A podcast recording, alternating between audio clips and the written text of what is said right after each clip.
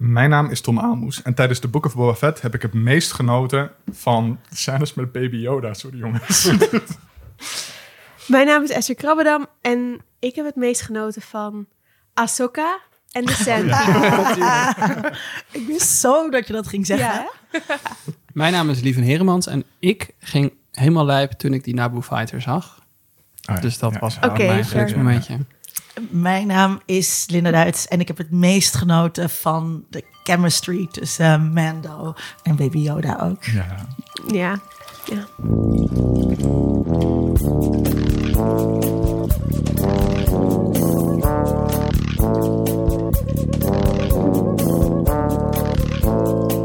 Te gast bij ons aan tafel zijn Esther Krabberdam en Lieve Heremans, beide recurring guests. This is the way. This is the way. Eh, Esther Krabberdam kennen jullie natuurlijk van de Vierkante Ogenshow, waar jullie ook net een aflevering over de boeken voor Boba Fett hebben gedaan, die ik expres nog niet heb geluisterd. Met Tom, hè? ja, waar ik ook... Crazy, was. ja. Oh, dat, Ja, dat is, wist eh, ik dus niet. Daar, zat ik, daar zat ik dus niet in. Eh, dan eh, hoop ik dat jullie alle, alle, alle eh, dat jullie nog wat meningen bewaard hebben. Oh. Zeker. Voor, voor eh, deze aflevering. En daarnaast ben je redacteur bij Dag en Nacht Media. Yes. En eh, lieve Hermans aan tafel. Ik eh, had je gevraagd van hoe moet ik je introduceren. jullie En kennen, toen ging ik twijfelen. Jullie kennen Lieve natuurlijk op allerlei manieren. Maar onder andere kennen jullie hem bijvoorbeeld van eh, de podcast Kaas. Hij is initiator van het podcastnetwerk, auteur van de nieuwsbrief. Heb je nog een podcast tip? Volgt die nieuwsbrief. Volg Ja, die nieuwsbrief, abonneer gratis. je daarop. Ja, en eh voormalige verkering. En leuk Ook dat je er bent, ja, ja. lieve. Allemaal Ehm, op de cv. Ah, dat staat allemaal op je cv. Ehm, we gaan het dus hebben vandaag over eh, de Book of Boba Fett. Ik kan echt niet wachten. Ik Je hebt ook de Baby Yoda trui aan. Ik heb moet een even Yoda worden. trui ja, aan. heeft ook een Star Wars t-shirt. Ik heb me omgekleed. Ja. Je had eigenlijk iets anders aan. Ik had een kattenshirt aan en nu heb ik een Star. Wars shirt aan. Ja. En, eh, maar voordat we daar aan gaan beginnen, doen we de terugblik. Esther, wil jij beginnen? Eh, ja, ik ehm, heb de afgelopen tijd heel veel Star Wars documentaires op YouTube gekeken. Want eh, bij de Vierkant Oogshow maken we een reeks met, eh, waar we de, de ori- or- originele trilogie bekijken, terugkijken. En daar kan ik echt van aanraden. Dan ben ik de naam vergeten, het is heel typisch. Ik ben zwanger, ik heb af en toe een soort van gat. maar het iets van eh The Field of Dreams, Star Wars, Making... Dit is een Making of Star Wars eh, oorspronkelijke trilogie Als documentaire. je er nog, straks nog opkomt, dan zetten we hem eh, correct in de show We notes. zetten in hem in de show notes. Heel fijn. Ja, en dat is een heerlijke documentaire die gewoon gaat over hoe bizar project dat eigenlijk was in die tijd. En ja, ik denk dat de echte Star Wars fans, die weten waarschijnlijk wel dat er superveel geëdit is en dat soort dingen. Maar als je dat gewoon even allemaal lekker in een 2,5 uur durende documentaire wil zien, is dit echt een tip. Er is er toch ook een met een soort van toneelstuk of zo? Er is er ook een van eh, Star Wars zelf. En daar gaan C-3PO en R2-D2 l- vertellen van alles. Die, die spelen dat soort van. Ook, nou, Dat ik- lijkt me heel surreal. het was heel surreal, ja. ik heb die niet helemaal afgekeken, want het was echt een soort van... Oh, wel, eh, zullen we nu daar en daar over hebben? Nou, piep, piep, piep, piep. Ja. en dan, Een soort ja, podcast. en toen, toen gebeurde dit. En dan een soort terugblik. Ja, het was echt wel ook voor kinderen. Die andere had iets meer insight echt in hoe dat proces liep. Tip? Leuk. Ja. Eh, ik heb... Ik heb het opgeschreven. Oh ja, ik heb de Kanye documentaire deel 1 gekeken op Oh. Netflix. Oeh, benieuwd. Ja, hij is echt... Ik dacht, nou, het zal wel niet zo goed worden. Maar hij is echt heel vet. En dat komt omdat er heel veel archiefmateriaal is... van een vriend van Kanye, Kanye West, de rapper. Even voor de niet-millennials. Eh, Hey, ik weet ook wie kan je best is. je weet het nooit. Ehm, Ik ben er hartstikke down mee. Een van zijn beste vrienden was eh, comedian en die werd toen documentairemaker omdat hij dacht, oké, volgens mij wordt Kanye een ster. En toen is hij hem gewoon gaan volgen met zijn videocamera. Dus je hebt echt heel veel gewoon VHS-achtige kwaliteit tape ook. Dat is ook leuk. En je ziet Kanye dus voordat hij groot was. Dus ehm, ja, met zijn moeder is heel intiem en die moeder is super lief. Dus dat, als je niet van Kanye houdt, kijk alleen maar voor die interactie met die moeder, want dat is geweldig. En voor ons, millennials, is het begrijpelijk. Omdat Kanye is 22 en dan gaat hij naar Rockefeller, dat is een raplabel in New York. En dan gaat hij dus heel wanhopig aan mensen die daar werken proberen liedjes op te zitten die later vet grote hits zijn geworden. Maar tegelijkertijd hoor je Jean-Paul opstaan of zo op de radio. Dit is zo weird, de tijdframe. Heerlijk. Ja, het is echt heel goed. Oh. En er komen dus nog twee delen. En dit is al 2,5 uur. Of Huh? Maar uur. wanneer Ja. komen die andere delen dan? Komen die dan Eh, volgend jaar? Of komen nee, die nee, zo snel achter elkaar? woensdag. Dus als je dit hoort, afgelopen woensdag. Dus je kan meteen gaan kijken. En de, denk dan de week daarna. Nice. Ja, het is echt eh, een tip. En ik was aan het spelen Detroit Becoming Human Zeg maar op de. PlayStation. Ja, zeg maar. Ik heb nu een PlayStation 5. Ik heb de 4 overgeslagen, dus ik moet heel veel inhalen. En iemand tipte mij dit spel. Omgekeerde heel- zombies. Ja, het is, je bent een Android of je bent verschillende Androids en dan moet je morele keuzes maken. Eh, dus Ah, je wacht, krijgt vier ken ik wel, opties. bij jou hebben- gespeeld. Ja, Ja. precies. nou, het wordt veel vetter dan, want wij zaten toen net aan het begin, maar er komt een soort van opstand van al die Androids en het is heel vet. En het vetste is dat het is een soort choose your own adventure, dus je kan niet heel veel doen. Je moet gewoon keuzes maken. Maar aan het einde van elke level krijg je een soort eh, overzicht van de keuzes die je kon maken. En wat iedereen die het anders heeft gespeeld, heeft gekozen. Ah. Oh, leuk. Het is heel, het is heel vet. Dit ja, lijkt- dit klinkt dit- nu heel dom, maar het is heel erg leuk. Maar dat klinkt dus eh, best wel als de ultieme millennial game, zeg maar. Dat je, nou ja, omdat keuzestress zo'n millennial issue is. En je hier dus dan eh voorgeschoteld krijgt, eh, ja, hoe andere mensen het hebben gedaan. Ja. en misschien ook wat het oplevert. Zouden jullie dat graag in je leven willen hebben? Millennials, fellow kids. Eh, nou, nee. Liever niet. Want ik heb al genoeg stress. En dan krijg ik alleen maar nog meer stress... omdat ik dan zie wat andere mensen gekozen hebben... op een vergelijkbaar punt. En Dit dan is wat er gebeurd was als je wel een huis had kunnen kopen. Ja, maar Ja. dan zit ik alleen maar van... oh mijn god, ik heb de boot gemist. Oh nee, oh nee, oh nee, oh nee, oh nee. Nee, Maar heb je, krijg je dat gevoel er dan niet van? nee Van- dat krijg ik er totaal niet van. Het is gewoon... Om, omdat je... Het is heel duidelijk een soort van choose your own adventure boek eh, verhaaltje. Maar je weet dan nooit wat er nog meer kan gebeuren. Maar hier kan je dus wel zien. En denk je van, oh shit. En dan wil je het eigenlijk nog een keer gaan spelen... om die andere dingen ook te gaan doen. En je kan niet echt doodgaan of zo. Dus je kan niet de verkeerde keuzes maken. Maar die acties hebben wel consequenties. En het wordt steeds ingewikkelder. Omdat ja, als je iets op één moment doet... komt het dus later in een level weer terug. Dus dan kan je ook Oh, weer ja. andere keuzes kan je een andere kant weer binnenkomen in een level. Ja, het is gewoon... Het maakt het... Het is een heel transparante game wat dat betreft. Cool. Vet. Ja. Klinkt heel tof. En het is heel goedkoop. Oh ja, en ik heb uit eh, eh, nostalgische overwegingen... tijdens dat ik Boba Fett aan het kijken was... het spel Bounty Hunter gespeeld. En dat is 20 jaar oud. Voor de PlayStation 2 destijds. Volgens mij ligt het hier ook nog. Ik heb een keer op Marktplaats gekocht... maar nu voor 5 euro op de PlayStation Store. En het is heel lelijk, maar je bent Boba Fett. En je moet mensen neerschieten en bounties hunten. Dat is gewoon... Vet. Het is een heel lame game, maar dan merk je ook weer hoe goed de spelletjes nu zijn. Dus Gewoon waar Tip. we allemaal vandaan gekomen zijn. precies. Ja. Benieuwd En je of hebt een dit jou- jetpack en eh, Nieuwe inzichten gaat geven straks in het bespreken. ja, ik ben nog niet Boba. zo ver. Dus, maar goed, Mm. Oké. we'll see. Ehm, ik heb eh, eh, ook een soort oude game gespeeld, maar dan geremasterd. Ehm, Link's Awakening, dat is een Legend of Zelda game. Classic. Classic uit de jaren 90. Eh origineel komt het volgens mij uit 93, mijn geboortejaar. Ehm, en die hebben ze voor de Switch geremasterd. Dus dan heb je niet zo van pixel sprites die heen en weer bewegen. Eh, maar het is wel nog steeds van boven, nog met vierkantjes, zeg maar, dat je daarheen stapt. Maar het is zo gemaakt dat het nu lijkt als op een soort speelgoedwereld. Hmm. Dus het lijkt alsof Link een soort plastic speelgoedfiguurtje is van Link, waarmee je door die wereld heen loopt. Heel erg eh, gestileerd. Maar de gameplay is dus wel zoals het toen was, maar dan net wat meer gestroomlijnd. Dus dat het wat meer als een moderne game aanvoelt. En dat is gewoon heel leuk, want ik heb dat soort Game Boy games vroeger zoveel gespeeld. En nu is er gewoon een versie die nu lekker speelt, waar ik gewoon lekker mijn uren mee kan slijten. Dus ja, het is gewoon fantastisch. Echt heel erg leuk. Mag ik je een podcast tip geven? Nou, Er is een podcast die heet The Soundtrack Show. En die hebben laatst een aflevering gemaakt over de soundtrack van Zelda. En ook een persoonlijke beschrijving van... Want het is een heel moeilijk spel. Dat kan je beamen, denk ik nu. valt me Zelda. best wel mee nog. Oh, nou maar ja, Zelda ze over het algemeen... een remake. Ja, dat kan ook nog. Maar je moet gewoon allemaal weirde shit vinden die je...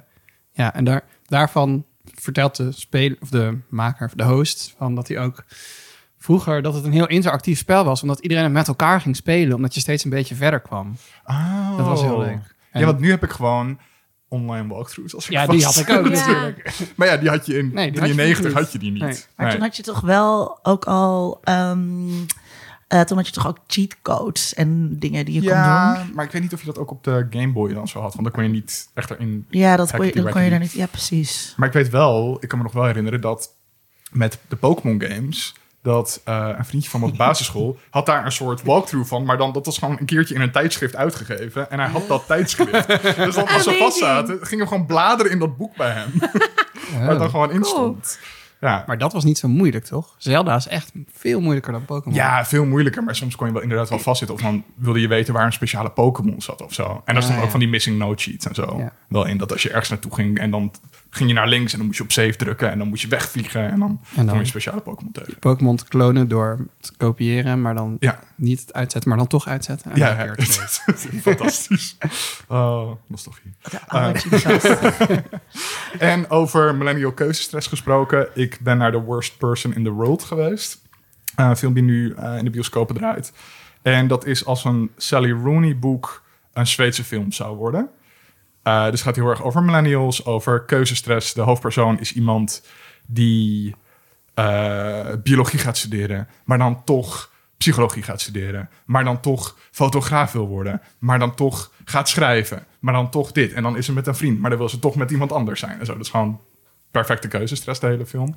Maar dan heel mooi en teder in beeld gebracht. Prachtig gefilmd, prachtig geacteerd. Heel herkenbaar, denk ik, voor, voor mensen van onze generatie. Herkenbaar. En ja, gewoon een hele goede film. Ik kan hem echt heel erg aanraden. Maar ik heb ook wel mensen gezien die het heel erg onuitstaanbaar vinden. Omdat het dus heel erg millennials met een keuzestress en hun grote problemen. Dat ze zich een bijrol voelen in hun eigen leven. En ze willen de hoofdpersoon zijn. Dat zijn dan allemaal geen millennials, die mensen. Misschien. Eh, Maar ik, ik, vond Was het- ik het? ik, ik denk dat jij misschien dat zou kunnen denken als je naar deze film kijkt. Maar ik vond het heel erg mooi. Ik heb er heel erg van genoten. ik heb wel eens ergens opgeschreven dat eh, die keuzestress helemaal geen millennial ding is, maar iets van twintigers. Eh, En- en het en nu zijn millennials toevallig 20. En ja, en het lastige bij twintigers is altijd dat zij, dit is wel echt een oude zeikwijf. Irritante aan twintigers is dat eh, zij altijd denken dat zij de eerste eh, mensen ooit zijn die twintig zijn of die, Ja. die dingen meemaken. En dat is het irritante aan boomers, dat zij niet erkennen dat zij de allerrijkste ooit zijn en het niet doorgeven. Ja, en dat trek ik me dus niet aan, want ik Die hebben ook dus geen eh, maar eh, ik, was daar, ik, ik zag die poster van die film hangen. Toen was ik heel erg afgeleid, want er is een Douglas Coupland boek. Dat heet Worst Person Ever. En, maar dat gaat over een eh, eh, onuitstaanbare eh, witte hetero man van middelbare leeftijd.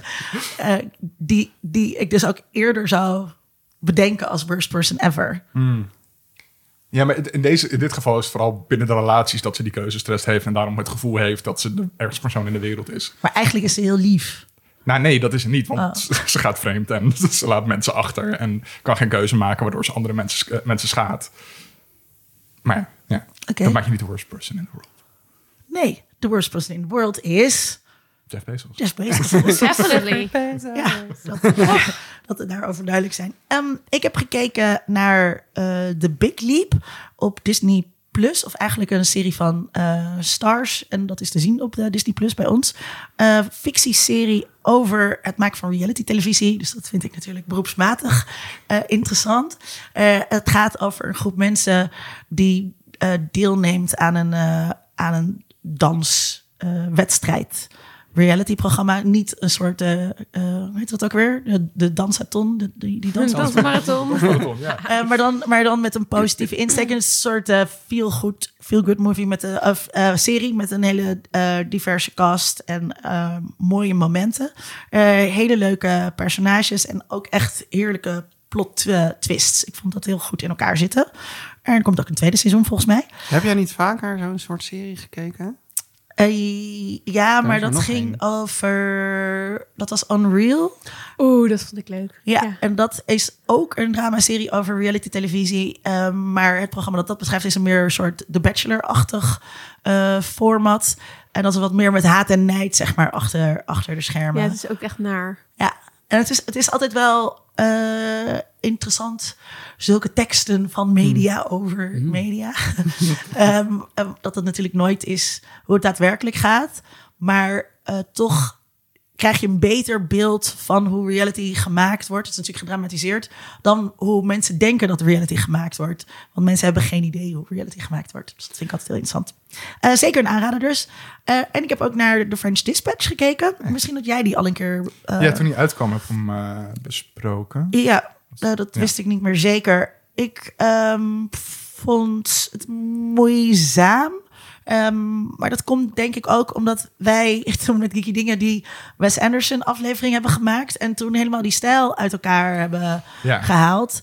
En nu eh, lijkt het al, het lijkt alsof ik naar een parodie van Wes Anderson zit te kijken. en dus het, het, het is zo. Niet een goede parodie, toch? Hm? Niet echt een goede parodie.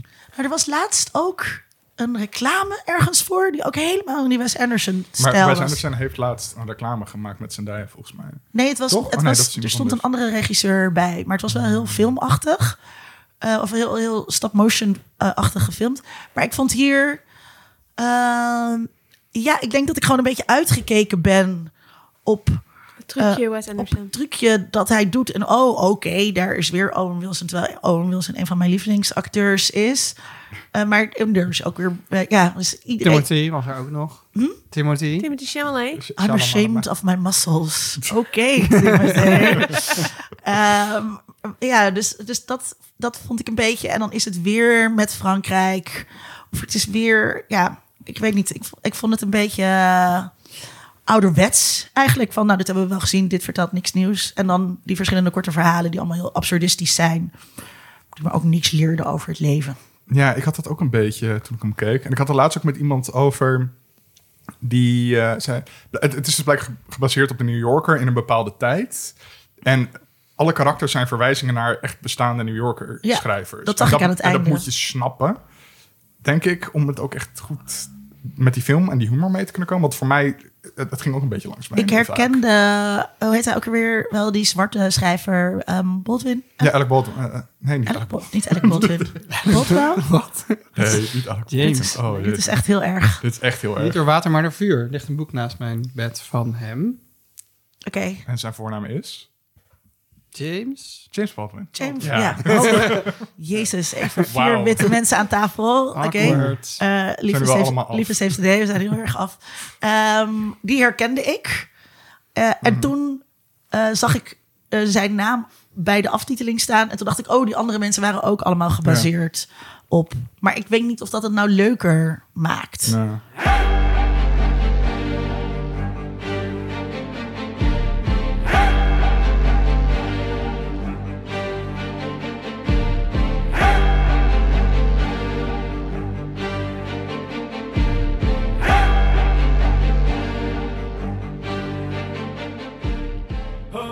We gaan praten over The Book of Boba Fett. Eh, Tudu. Oh nee. Boba. Fett.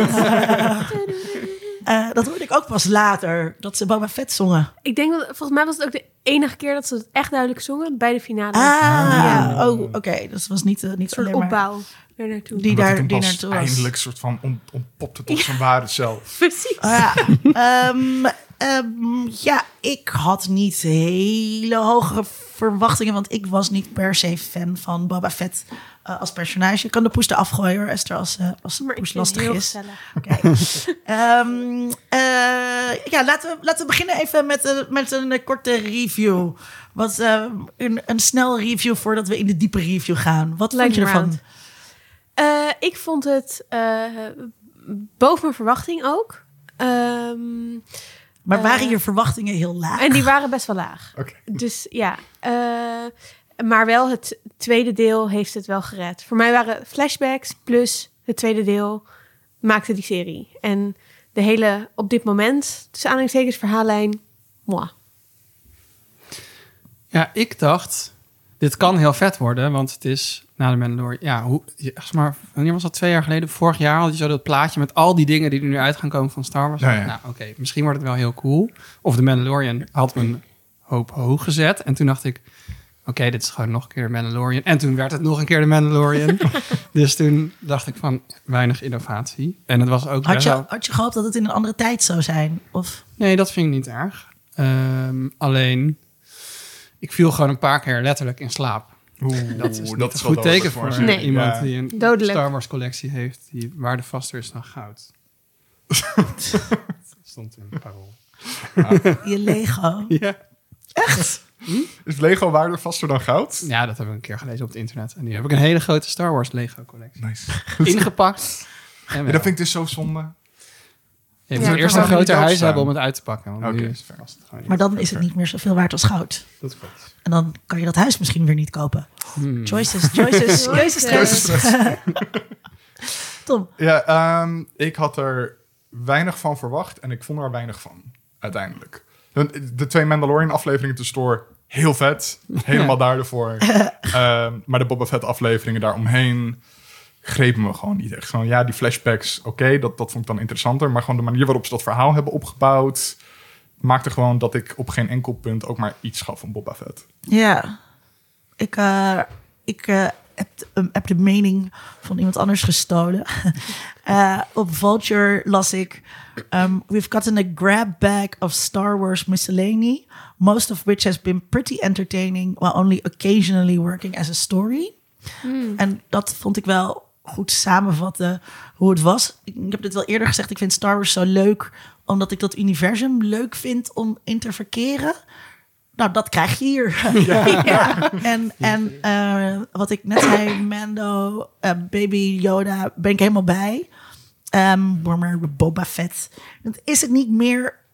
Ik, de- waarom was dit een eigen serie? Waar, want het, ze noemen het een spin-off van The Mandalorian, maar dit had gewoon net zo goed de Mandalorian seizoen 3 kunnen zijn. Ja, ik las ook al ergens. Had gewoon een miniserie gemaakt. Drie afleveringen of vier afleveringen over Boba Fett, whatever. En dan gewoon een seizoen Mandalorian. Ja, Maar nee, ik ben het daarmee eens. Dat was raar. De structuur snapte ik, de opbouw, daar snap ik helemaal niks van. Het Waarom? was ook niet echt een boeiend verhaal. Nee. Zo. Ik dacht van, nou, Ja, het is in heel geval niet. ingewikkeld. Door de manier waarop het werd verteld, Ja. maakte het ook niet dat je, dat je heel erg een steek erin hebt of zo. Van, oh nee, Mos Eisley is, of wat is het, eh, Mos ehm, Espa? Espa, ja, Ja. eh, heeft een nieuwe daimo en er is een Spice-oorlog. Hmm. Met, met, met, echt allemaal, zin in de volgende Ja. aflevering. met, ook, Hey, Wat Mando. nu? met ook allemaal identieke, ongenaamde vis-aliens. Ja, Die ook Pikes. pikes heten, wat een vissoort is. Kom op. Wat een? Dat is een vissoort. Oh, een dat pike. is dat leger. Ja, dat, nee, Ja. Dat, ja het, het, ook het leger dat 30 man was. Ja. Oh, we hebben echt heel veel mannen. ook Game of Thrones verwijzing. Nee, maar ik, ik- ja, ik, het, voelde nooit tijdens het verhaal alsof de stakes hoog genoeg waren. Ook omdat er geen drama was vanuit de personages, maar er was ook geen drama vanuit de actie eromheen of zo. Ik kreeg nooit het gevoel dat het daardoor voor mij klikte. Behalve toen er dus personages was waarbij ik al twee seizoenen heb opgetrokken. Ja. Want dan is het ineens zo, wow. Oh. Ja. Ehm, eh, wat, wat, wat hebben we hier nou ook iets uit geleerd? Ik bedoel, voegt het iets toe aan de kanon? Hebben we, komen we verder in de grote Star Wars saga? Ja, ik denk wel. Maar dat, dat zit voor mij in die afleveringen die eigenlijk Mandalorian afleveringen waren. Dus ik kijk nu nog veel meer uit naar het volgende deel van alles rondom Mandalore en Ahsoka en soort van de, de Jedi schooltje van Luke. Ehm, en er zat eigenlijk net zoveel Mandalorian, Mandalorian lore in als in heel Mandalorian seizoen 1 en 2. We hebben echt best wel veel geleerd over de Mandalorians en wat ze wel en niet eh, mogen en kunnen. En ehm, wat ik als Clone Wars kijker, waarin je wel heel veel backstory leert over de Mandalorians, heel leuk vond. Van oké, dit is dus echt canon, het komt terug, we gaan hier meer van zien, want anders zit het er niet in. Dus het heeft wel voor mij mijn get hyped voor de rest, voor de komende series, aangezet. Maar dat had niet gehoeven in, in Bo- door Boba Fett. Dat komt niet door hem. Of door dat verhaal. Nee, en dat zeiden we ook in de vierkante ogen aflevering. Dat, eh, eh, het voelt als een bruggetje Ja. tussen twee seizoenen Mandalorian. Ja, Het, het, het, is, het, is, het zet dingen klaar. Het werkt één ding af. Dus het verhaaltje van Boba Fett dat eventjes afgerond moest worden. En we zijn nu hyped voor wat er hierna gaat komen. Maar eh, is het verhaal van Boba Fett nu Ja, afgerond. hij zit daar toch gewoon? Ja, maar Hij zit- ja, hij hij zit zit er nu gewoon. Hij zit Hij zitten. Daimo. En Ja. de volgende, maar voor je week moeten we nog zo'n seizoen kijken. Oh, waarin hij weer een oninteressante oorlog krijgt met, een, met iemand anders die Nou, ik hoop dat de Huts dan terugkomen. Dat lijkt me wel leuk, dat die twins. Die laten zich ook heel makkelijk met, met dat afschepen. schaafjaartje als spons. Ja, maar ook gaan die bikes gaan die zich erbij laten zitten dat ze opeens hun fucking spice kwijt zijn. De- Wat honderd miljoenen, duizenden, weet ik veel wat goud waard is. Eh, lijkt me niet. Er was helemaal geen intergalactic element in Book of Boba Fett. Zeg maar, er kwam niet een spaceship een even eh, eh, Schieten. schieten van hé, hey, eh, er is iets aan de hand. Ik neem aan dat die spice-belangen groter zijn dan alleen maar wat er op Tatooine The gebeurt. spice must flow. Precies. Dus ik ga er wel van uit dat er op zich lijkt er me er dingen die je kan bedenken voor een volgend seizoen Boba Fett. Namelijk dat er wel iemand uit een andere plek in de galaxy gaat zeggen: wat de fuck, hoezo gaat deze ene dude nu opeens onze hele Spice War eh Eén gast. opfokken? Ja. Ja. Nou, die knallen we gewoon overhoop klaar. Nou ja, dus het zou kunnen. Ga ik het dan nog kijken als dit de drijfveer wordt van het seizoen? I don't know. Oké, ik ga het wel kijken, maar ik het leuk vinden? Kijken. Maar Oh, Grogu zit op het einde. Oké, dan ga ik wel kijken. Beloof me nu ook een beetje grow. Ja. Maar dat is wel, ja, nou, ik, dat, is, dat is dus wel mijn hele frustratie met Star Wars, eh, met Disney Star Wars. Dat eh, ik, ik ben nou eenmaal dit fandom ingezogen. Ja, Ik je wil zit elk jaar een, vac een vaccin, maar dan een boostertje was dit Ja, een shot. ja, en ik ga het ook niet missen. Want ik ga het niet aan me voorbij laten gaan. Ja, maar dit is natuurlijk gewoon En precies waarom. Disney, Disney 4 miljard heeft betaald voor LucasArts. Toch? Ja. Gewoon precies omdat ze weten dat er gewoon honderdduizenden mensen zoals ons zijn... die gewoon zitten van... Oké, ik wil gewoon een beetje mijn fix, meneer Disney. alsjeblieft. Ja. Oeh, R2D2. Ehm, eh, het, is, eh, het is- speelt zich af in, eh, in het jaar 9 ABY. AB? Ik had het Stond eigenlijk dat nog... ergens? Of Ik heb had je dat, opgezocht? ik, dat heb ik opgezocht. Ja, ja, want eh, en, dat, A- en dat ABY, AB is eh, dus 9 ABI, is eh, negen jaar na, na de Battle of Javin. Ehm, Dus na Return of Jedi. ja, Ja. precies. En eh, is, dit, is dit een interessante tijd voor ons? Ik vind van wel, omdat je dan dus een New Republic hebt die zich soort van nog heel fragiel een beetje moet zien te vestigen. We zien ook in de sequel trilogy dat dat niet echt helemaal gelukt is. Ehm, het, het, is een beetje, een- er is een machtsvacuum in de wereld. En dat maakt in The Mandalorian, vind ik juist een heel interessant, ja, een hele interessante wereld om in rond te lopen. Omdat je dus de restanten van de Empire hebt, je hebt de New Republic, je hebt opportunisten die dat gat willen vullen. En je hebt mensen die zich tegenover al dat geweld een beetje staande willen houden. Dat is hartstikke interessant. Daar kan je een heel goed verhaal over vertellen. Ja. En dat is in de kern denk ik ook wat Book of Boba Fett probeert te doen. Want er is een machtsvacuum en het zijn mensen uit de gemeenschap, moet het dan lijken, dat Boba Fett die verenigt. Eh, die zelf een lot gaan bepalen. Dat is in de kern wat dit verhaal zou moeten zijn, denk ik. Alleen komt dat totaal niet goed uit de verf. Ja. En Want, ja, het, eh, er is een machtsvacuum, mensen die hun eigen lot gaan bepalen. Dus dat eh, zet heel erg eh, de setting van eh, het Wilde Westen. Ja. En daar past een western dus ook heel erg goed bij. Is dit een western? Vonden jullie het een western? Ik heb niet zoveel western kennis, dus... Ja, maar had kan western toch wel vibes. zeggen dat het Mandalorian een western is? Is dit het dan ook? Nou ja, het element, het had elementen ervan. Ik vind altijd als Bane eh, in... eh, we moeten het misschien nog even over- over hebben, maar in Clone Wars komt... Dat is gewoon een western karakter. Ja maar ook hoe die Eh, geïntroduceerd wordt inderdaad. Ja, met die hoed. Echt Ja. super vet. En eh, hoe heet hij natuurlijk? eh eh, eh, Elefanti, Tim de Elefanti. eh eh, Vance. Eh, Vance. eh, Co- oh. De sheriff. De sheriff. Ja. ja. Eh, dat, wa- dat was ook wel echt een western iets. Verder denk ik, mm, ja, de baas worden in een van crime lord in een town is ook wel western. Ja, of meer een soort Lord of the Rings-achtig misschien? Crime Lords? Nee. Nee. Knip dat er maar uit. ja, je weet niet dat ik het erin ga laten. Sorry. De crime lords of Mordor. Zit dat voor je? Uh, Gunslinger Sauron. Nee, maar ik had, ik had daar dus wel wat... ehm, moeite mee of zo. Dat eh, Tom wordt gebeten door de kat. Ja, dat is het Eigen risico. risico van katten. Ehm, ik had er wel wat moeite mee. Ik vond dus het ritme de hele tijd ook heel, heel vervelend. Dus eh, dan gebeurde er weer eh, helemaal niks. Maar echt gewoon, oké, de woestijn van Tatooine. Ik weet hoe de woestijn van Tatooine eruit ziet. Ik heb die Trippy aan R2D er tien minuten doorheen moeten zien wandelen. Ja, dat is super cool trouwens aan Een Nieuwe Hoop. Dat die film begint met zo'n lang I twee know. robots en, eh, in een woestijn en eigenlijk helemaal niks. Ik vind dat ook fantastisch. Dat is echt, Een Nieuwe Hoop is super onderschat, denk ik altijd. Maar ehm, hier, ja, dan word je ook geïntroduceerd in die wereld. Terwijl nu, wij kennen Tatooine. En dat vond ik dus ook wel eh, oké weer op Tatooine. Maar eh, we hadden wel interessante nieuwkomers. Zoals kinderen op Vespa's. Ja, leuk. Eh, Eerlijk? cyborgs. Iedereen haat ze, maar ik vond ze wel leuk. Ik vond ze ook leuk. Ik haat ze. Ik haat Gewoon lekker een beetje wel. cyberpunk vibe had ik. Ja, maar waarom op Tatooine? En waarom die kleuren? Gewoon Omdat het ook alles hier aan kleuriger mag zijn. meer? Of maar waarom had je ze, Esther? Ik weet niet, ik vond het niet pas. Ik vond het gewoon zo nep eruit zien. Dan heb je alles is een beetje zo in van die desert tinten en zo. En dan opeens smoete vespaatjes.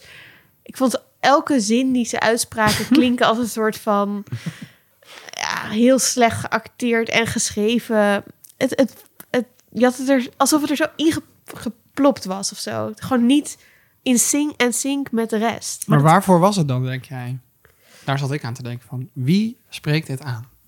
Nou, ik las iemand op Twitter reageerde op dat ik had daar ook op over gehaat op Twitter. Die zei het was een tribute aan ehm, American nog iets, de eerste American film. Graffiti-? Ja, de eerste film van George eh, Lucas? Lucas. Eh, Oké, nou ja, dat, dat, dat snap ik, want daar heeft het dan wel iets van. Maar waarom Maar waarom? moet er dan in deze film een tribute aan een film die gaat over, over puber zijn, opgroeien in Amerika in, wat is het, de jaren 50, 60, Ja. Nou ja, geen idee. juvenile delinquents en Voor mij voelde het bijna alsof er een soort van een studio exec was. We moeten een jonge crowd aanspreken. We moeten, we moeten de kinderen bereiken. En we moeten, ja, Ja. de digital natives. bijna. Die We zijn klaar met de millennials. Ja. we Ja. moeten naar een nieuwe generatie. die, die, die pak je niet met, eh, Ja, hoe pakken met, we de zoomers? met, eh, met eh, mensen die in doeken gewikkeld zijn. Nee, nee, nee. Bionic people. Vespa's. Ja, ja, ja. Maar het is ook zo gek. Thundercat, de, de ba- bassist, speelt op een gegeven moment die ehm, cyborg dokterman. Die mensen de hele tijd hun, hun mods geeft. Dat is gewoon een hele Wat? bekende Thundercat? artiest. Dat was Thundercat. Wow, dat had ik even niet door. Nee, maar dat, dat, maar dat vond ik heel jarring. Dat ik zo, Ja. waarom zit Thundercat in mijn Star Wars? Ja, als hij ook Cameo. een beetje- Ja, Hij is van die baslijn natuurlijk. Een- Doedoe. Nee, nee, dat is meer... Maar ik vond dus alle, er- alle mensen die daar uiteindelijk voor die eindbattle kwamen opdraven, heel erg bij elkaar geraapt. Ja maar, Maar dat, dat is Mag ik natuurlijk nog even weten wat jullie leuk vonden aan die, aan die Vespa peoples? Nou, gewoon een beetje kleur, net weer wat anders. En eh, eh, ik, eh, ik had wel sympathie voor hun lot. Dat eh, ze waren niet zomaar eh, delinquents, maar ze deden dat omdat de prijzen zo hoog waren. Ze werden afgepest, afgeperst. En ze zeiden ook heel makkelijk: hè, het was niet dat ze lui zijn en niet willen werken. Ze willen heel graag werken. Ja. En op het eind een soort van strijd voor onze community. Ja, Op het eind kreeg je nog een, iets meer sympathie voor ze, moet ik zeggen. ja. We blijven hier gewoon tot, want wij verdedigen iedereen. Ja. Wat, wat heel onduidelijk was waarom deze mensen geïnvesteerd waren in die community. Want het voelde Zeker. helemaal niet alsof er een community was. Nee. Ja, dat, ehm, Maar oké.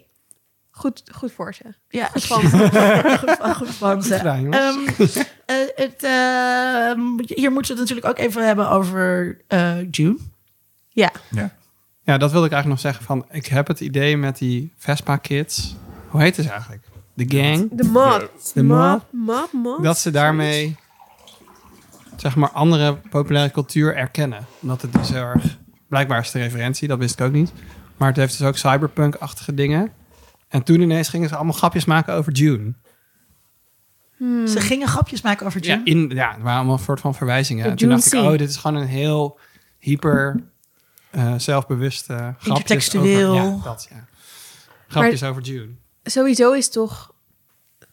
Star Wars best wel gebaseerd op Dune. In Ja, ieder ik geval heb voor toevallig zover ik nog weet. opgezocht, net toen ik zat te Ja? eten. Iets, een lijstje met alle dingen. Het was gewoon een hele grappige lijst.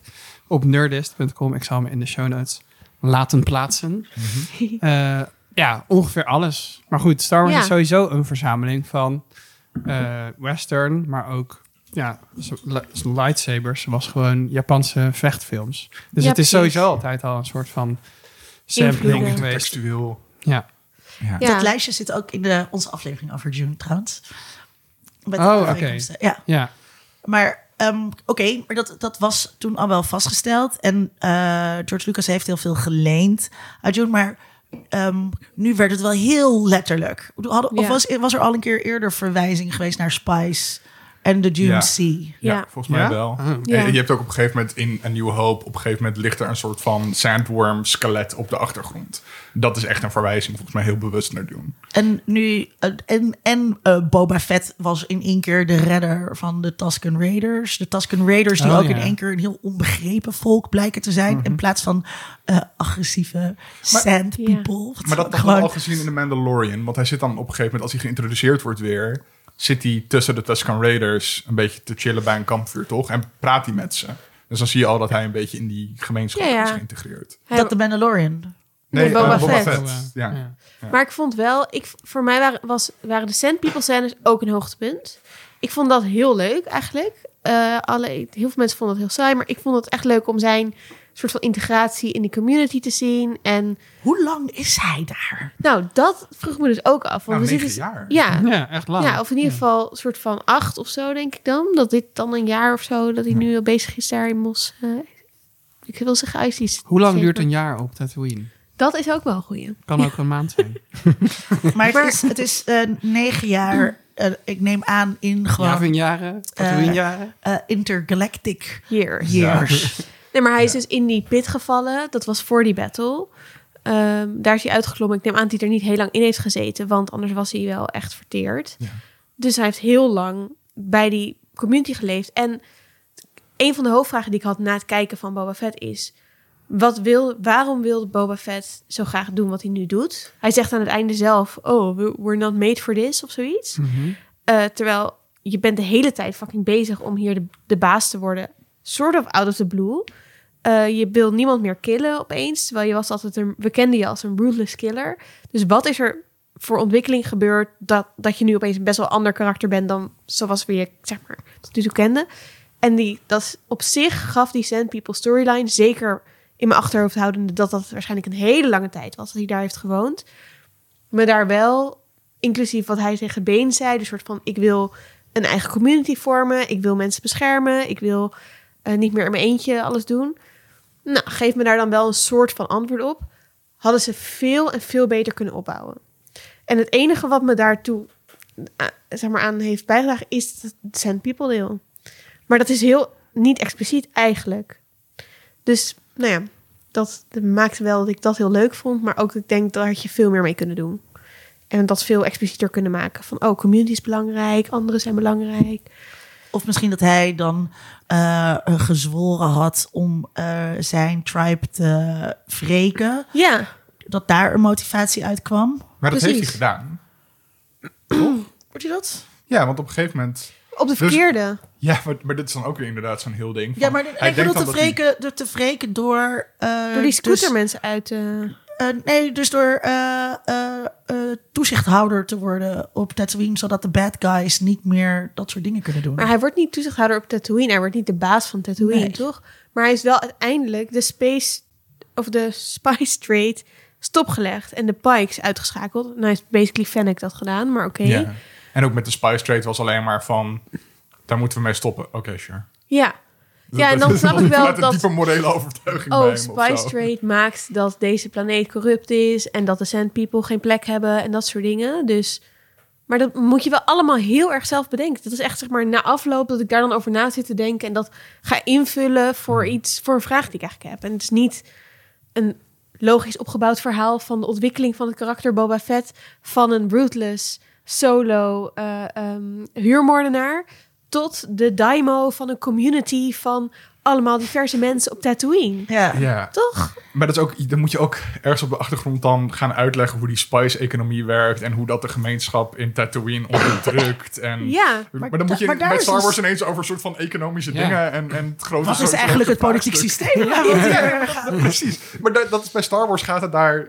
Ik, wil niet, nee, ik wilde zeggen nooit over. En toen bedacht ik me dat de prequel-trilogie bestaat. En dat gaat Eigenlijk alleen ja. maar over politiek.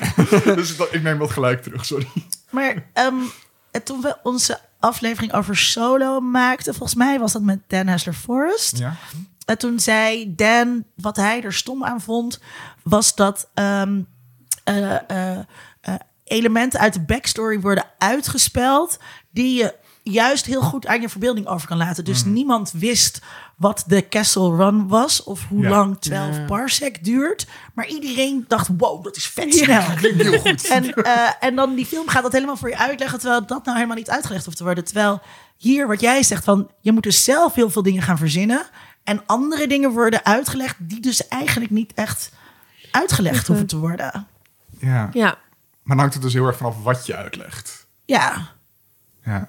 En dat is ook gewoon... Niemand zat te wachten op de backstory van Boba Fett. Boba Fett is cool omdat hij een ruthless killer is die een beetje mysterieus op de achtergrond staat. Nou, ja. ik had best wel graag meer willen zien van de achtergrondstory van Boba Fett eigenlijk. Ook want in de Clone Wars zijn er een aantal afleveringen waarin een jonge Boba Fett Ja. voorkomt en zo. Vond ik allemaal best wel leuk.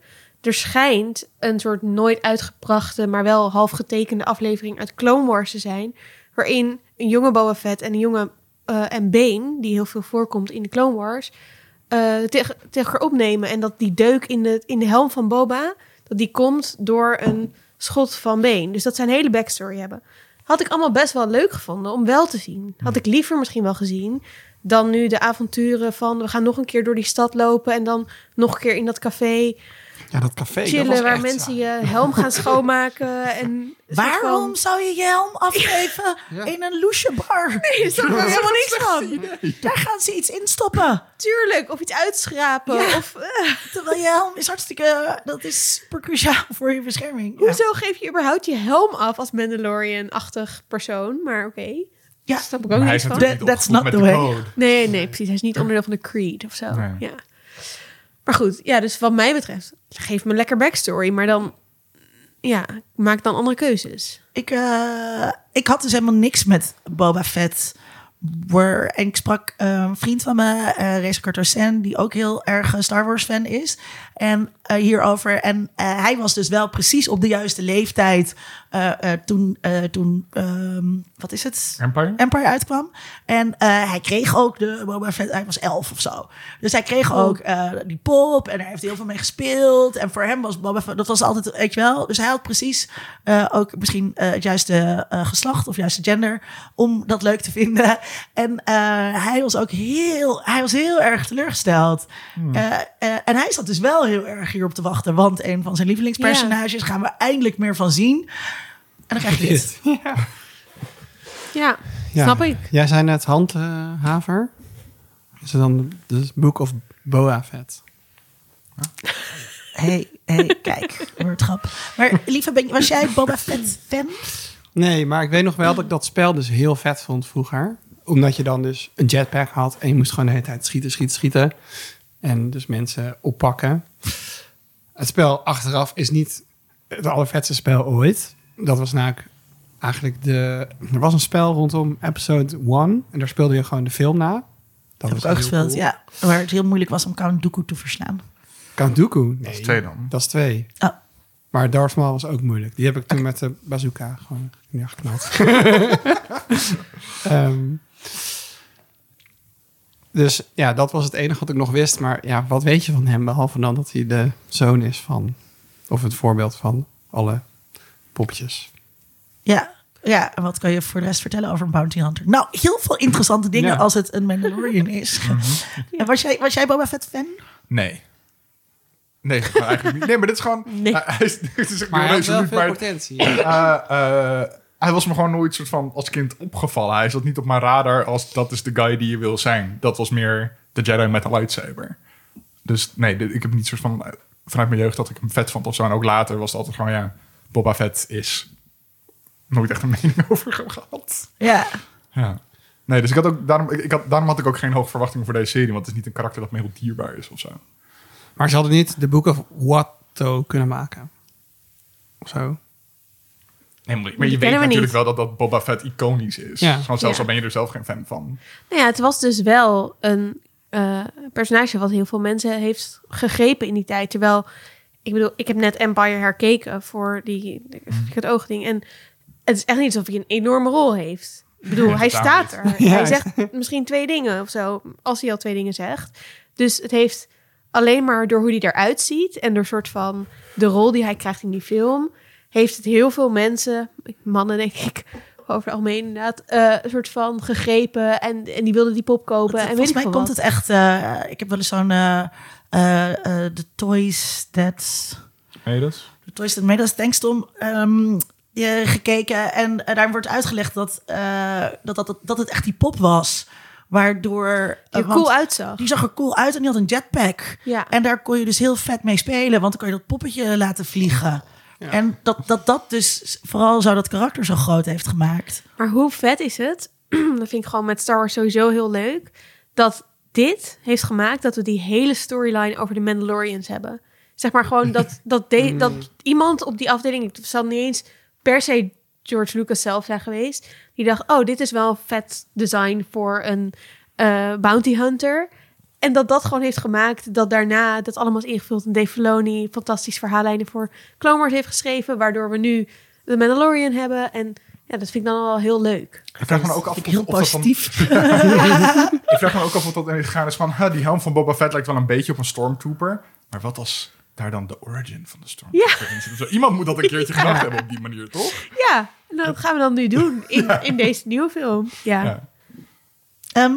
Het, eh, ik eh, zat. eh, het, is, het is aan de ene kant best wel een serie van deze tijd. eh, in de zin dat het een diverse cast is. Eh, dat valt wel op. Maar het viel mij dus toch ook wel op dat dit best wel male-centered wereld is. Eh, met toch nog steeds wel vrouwen. Oh, hier is ook een vrouw. Vonden jullie dat ook? Is het antifeministisch? Anti. Ik vond dat niet zo hoor.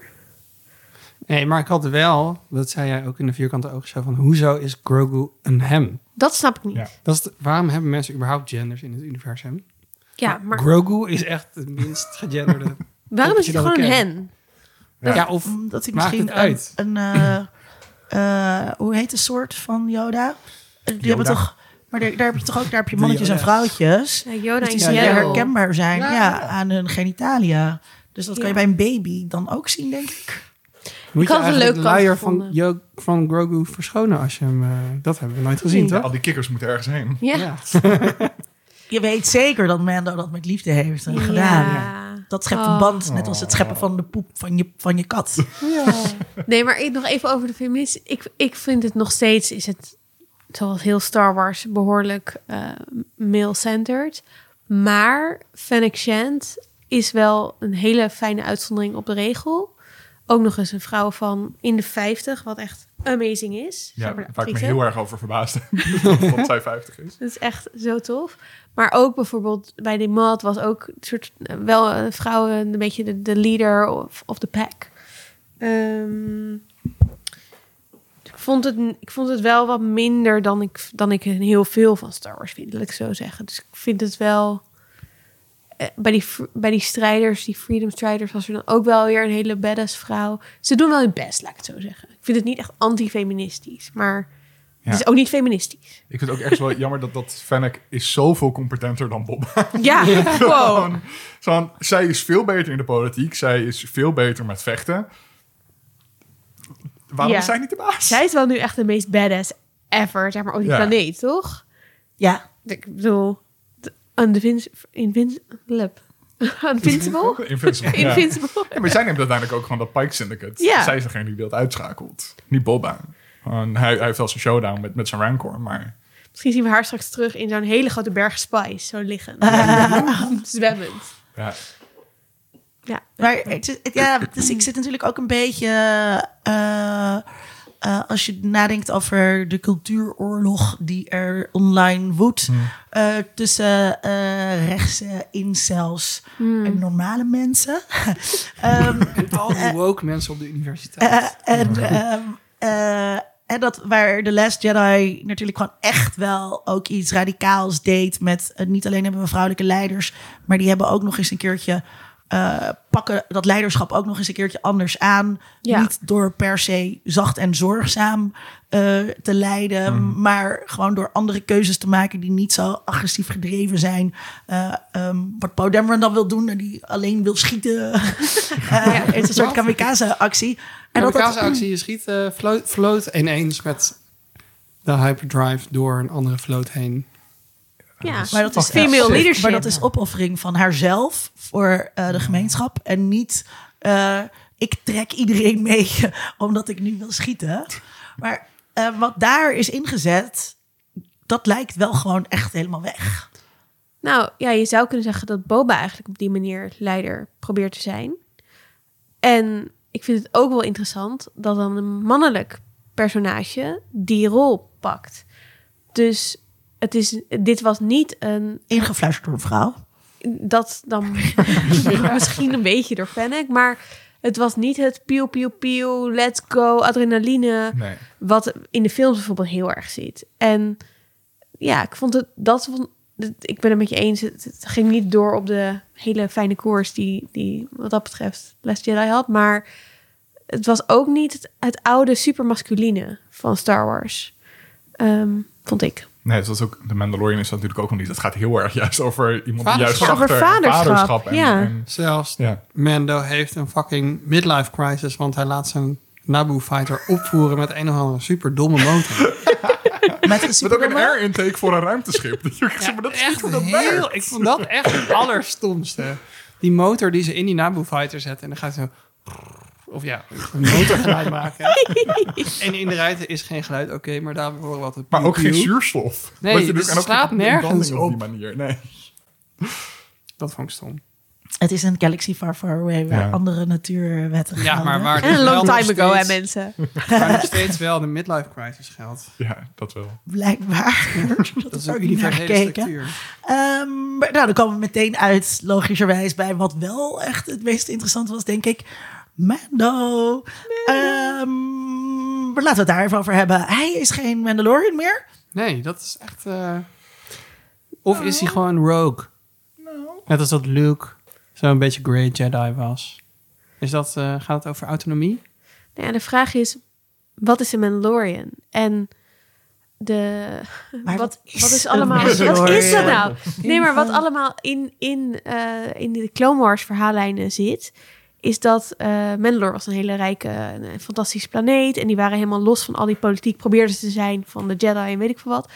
En eh, er was een... Eigenlijk een terroristische groep binnen de Mandalorians... die het niet eens was met het feit dat de Mandalorians gele- geleid werden door een soort eh, een beetje koningachtig systeem, dus, dus overerfbaar. De Death Watch, die hebben zich toen afgescheiden van de Mandalorian soort van. En die hebben zich wel, omdat er toen allemaal oorlog kwam, bla bla bla, zijn eigenlijk de overlevers van de Mandalorians. En daar is deze Creed, komt daaruit voort. Dus die hebben hele strenge regels, omdat het eigenlijk een extremistische Mandalorian groep is over wat wel of niet de Mandalorian maakt. Terwijl Bo-Katan, die we in het vorige seizoen hebben gezien, of in het seizoen van de Mandalorian, die is, eh, dat is eigenlijk de oude heerser van de Mandalorians, die hele andere regels heeft. Weet je, daar die zag je ook gewoon hele zonder helm. Die vindt zichzelf misschien wel veel meer Mandalorian dan de extremisten, want zij is van een soort bloedlijn van Mandalorians. Ehm, eh, dus ja, volgens de Creed en, en hij, volgens mij heeft Mando alleen maar geleefd in de onder de Creed eh, eh, ehm, zeggenschap. Dus die- Waarbij hij denkt ook dat dit herhaald moet worden dat dit the way is. Precies, dit is de way. En de andere, alle andere ways zijn verkeerd. Maar eh, ik hoop dat, en dat vind ik heel tof voor, voor een volgend seizoen, dat hij ook gaat ontdekken dat er veel meer soorten Mandalorians zijn. Dat weet hij eigenlijk al van Bo-Katan. En dat hij daar, ja, daar maakt dat of je helm opzet of, of je met Baby Yoda op je rug rondloopt, maakt allemaal niet uit. En ik vind dat wel heel erg cool dat dat, eh, dat, dat nu een rol gaat spelen. En dat, dat Mendo daardoor zich ook vrij kan maken, hopelijk, van de extreme extremiteiten uit zijn leven of zo. Vrijgemaakt gereformeerd. Amen. Ja, maar met tegelijkertijd is hij wel... Komt hij terug bij iets van, ik heb mijn helm afgenomen. Hoe kan ik dit goed maken? En dan moet Ja. zo'n programmage gaan doen. Dat gaan we waarschijnlijk dan in het derde seizoen zien. Naar een of andere spring ergens onder de grond. Wat, wat was het? Ja, de Mandalorian planeet die is helemaal vernietigd. Ja. Dus- Echt een soort van gekernwapend. ja. Maar daar zijn blijkbaar ergens onder al die... Dat, Radioactieve puin. ja, is nog de soort van de well of zo. Van, eh, dus dat is best wel een avontuur wat hij moet ondernemen, denk ik. Ja, maar dat, maar dat is dus, want dan, is hij niet los ervan helemaal, toch? Want dan gaat hij juist weer, ehm, Ja, dus weer proberen weer terug te komen bij die groep. Maar Maar ik kan me voorstellen, om daar te komen, moet hij waarschijnlijk eh, met andere Man- Mandalorians gaan praten. En dan ontdekt hij hopelijk dat het eigenlijk niet uitmaakt of hij wel of niet naar die bron gaat. This is Ja. not the Het way. zit in jezelf, of je Mandalorian bent Ja, of niet. Of in, iets van binnen. precies, of van community. En het maakt niet uit of je die regels nou wel... Nou ja, goed. Ik zie daar wel een interessante Hmm, eh, soort van strijd, interne strijd of zo zich ontwikkelen. Ehm, ja, maar goed, het is wel... Kijk, ik, dit weet ik dan door die Clone Wars. Als je het allemaal niet weet, vraag ik me wel af hoe, of je nu denkt, oh nee, hij is geen Mandalorian meer, inderdaad. Of een soort van, het leunt best wel veel, vind ik, op de kennis die ik heb uit Clone Wars. Ik, Is het ook leuk zonder al dit? Ja, want ik heb Clone Wars niet gekeken. En eh, het wordt wel duidelijk in seizoen 2 van The Mandalorian... Nou, dat er meerdere, dat er meerdere dingen zijn. Ja, Eh, en dat, dat het niet alleen maar de way hoeft te zijn. Ik, heb, ik zat me nu wel de hele tijd, de hele tijd af te vragen... wat doet die wapensmid eh, op, op, op die planeet? Waarom Ja. is zij daar toevallig? Volgens mij duiken zij de hele tijd onder op, op plekken. Omdat ze niet zo van openlijk het idee hebben dat ze kunnen leven. Oké, en dan moet je op internet opzoeken waar ze is of zo. Ja, maar dat, Die dat, je ziet Mando op een gegeven moment gewoon... vertel me waar ze is, daarom heb ik deze bounty opgezocht. Eh, zo. En eh, waarom mag zij dit soort dingen allemaal beslissen? Is de wapensmid ook, ook meteen... eh, want in eh, eerdere seizoenen lijkt het alsof zij gewoon eh, een soort wijze oude vrouw ook is. Zeg maar, die zegt: nee, dit zijn onze regels. Dit zijn. Maar nu eh, lijkt ze ook autoriteit te hebben. eh, om dit soort performatieve uitspraken te doen: van je bent geen Mandalorian meer. ja. Ja, weet ik ook niet zo goed waar dat vandaan komt. Die backstory wil ik ook wel eens weten, ja. Ja, Ja, Maar heb ik je niet dan vanuit Clone Wars een idee van... Ik bedoel, alles en iedereen in het Star Wars-universum heeft een backstory die ergens anders al een keertje foreshadowed is. is. eh, Zijn er theorieën over wie die Blacksmith zou kunnen zijn? Niet dat ik heb gezien tot nu toe. Op, eh, in de YouTube-wereld. Maar ik zou misschien nog een keer die Clone Wars aflevering hierover terug kunnen kijken voor. Maar is, dat, die Clone Wars focust zich dus eigenlijk veel meer op het oogpunt vanuit de Mandalorians. Of vanuit de, De niet Black Watch? de niet... Ja, Death Watch. Oh, Death de- Watch, ja, een soort van... eh, en niet vanuit die, die Death Watch. Dus het is wel leuk dat we nu dat perspectief zien. Maar je weet daar dus ook heel weinig over. Behalve, ja, dat zijn die extremisten of terroristen. Wat dus ook weer een, een perspectief is. Dus dat hoeft misschien ook helemaal niet zo te zijn. Of in ieder geval, ik neem aan dat Mendo ook gewoon daar heel veel loyaliteit aan heeft. Omdat hij er ook een leuke tijd heeft gehad. Het zal wel niet alleen maar evil zijn. We hoefden daar vast niet allemaal aanslagen te plegen of zo.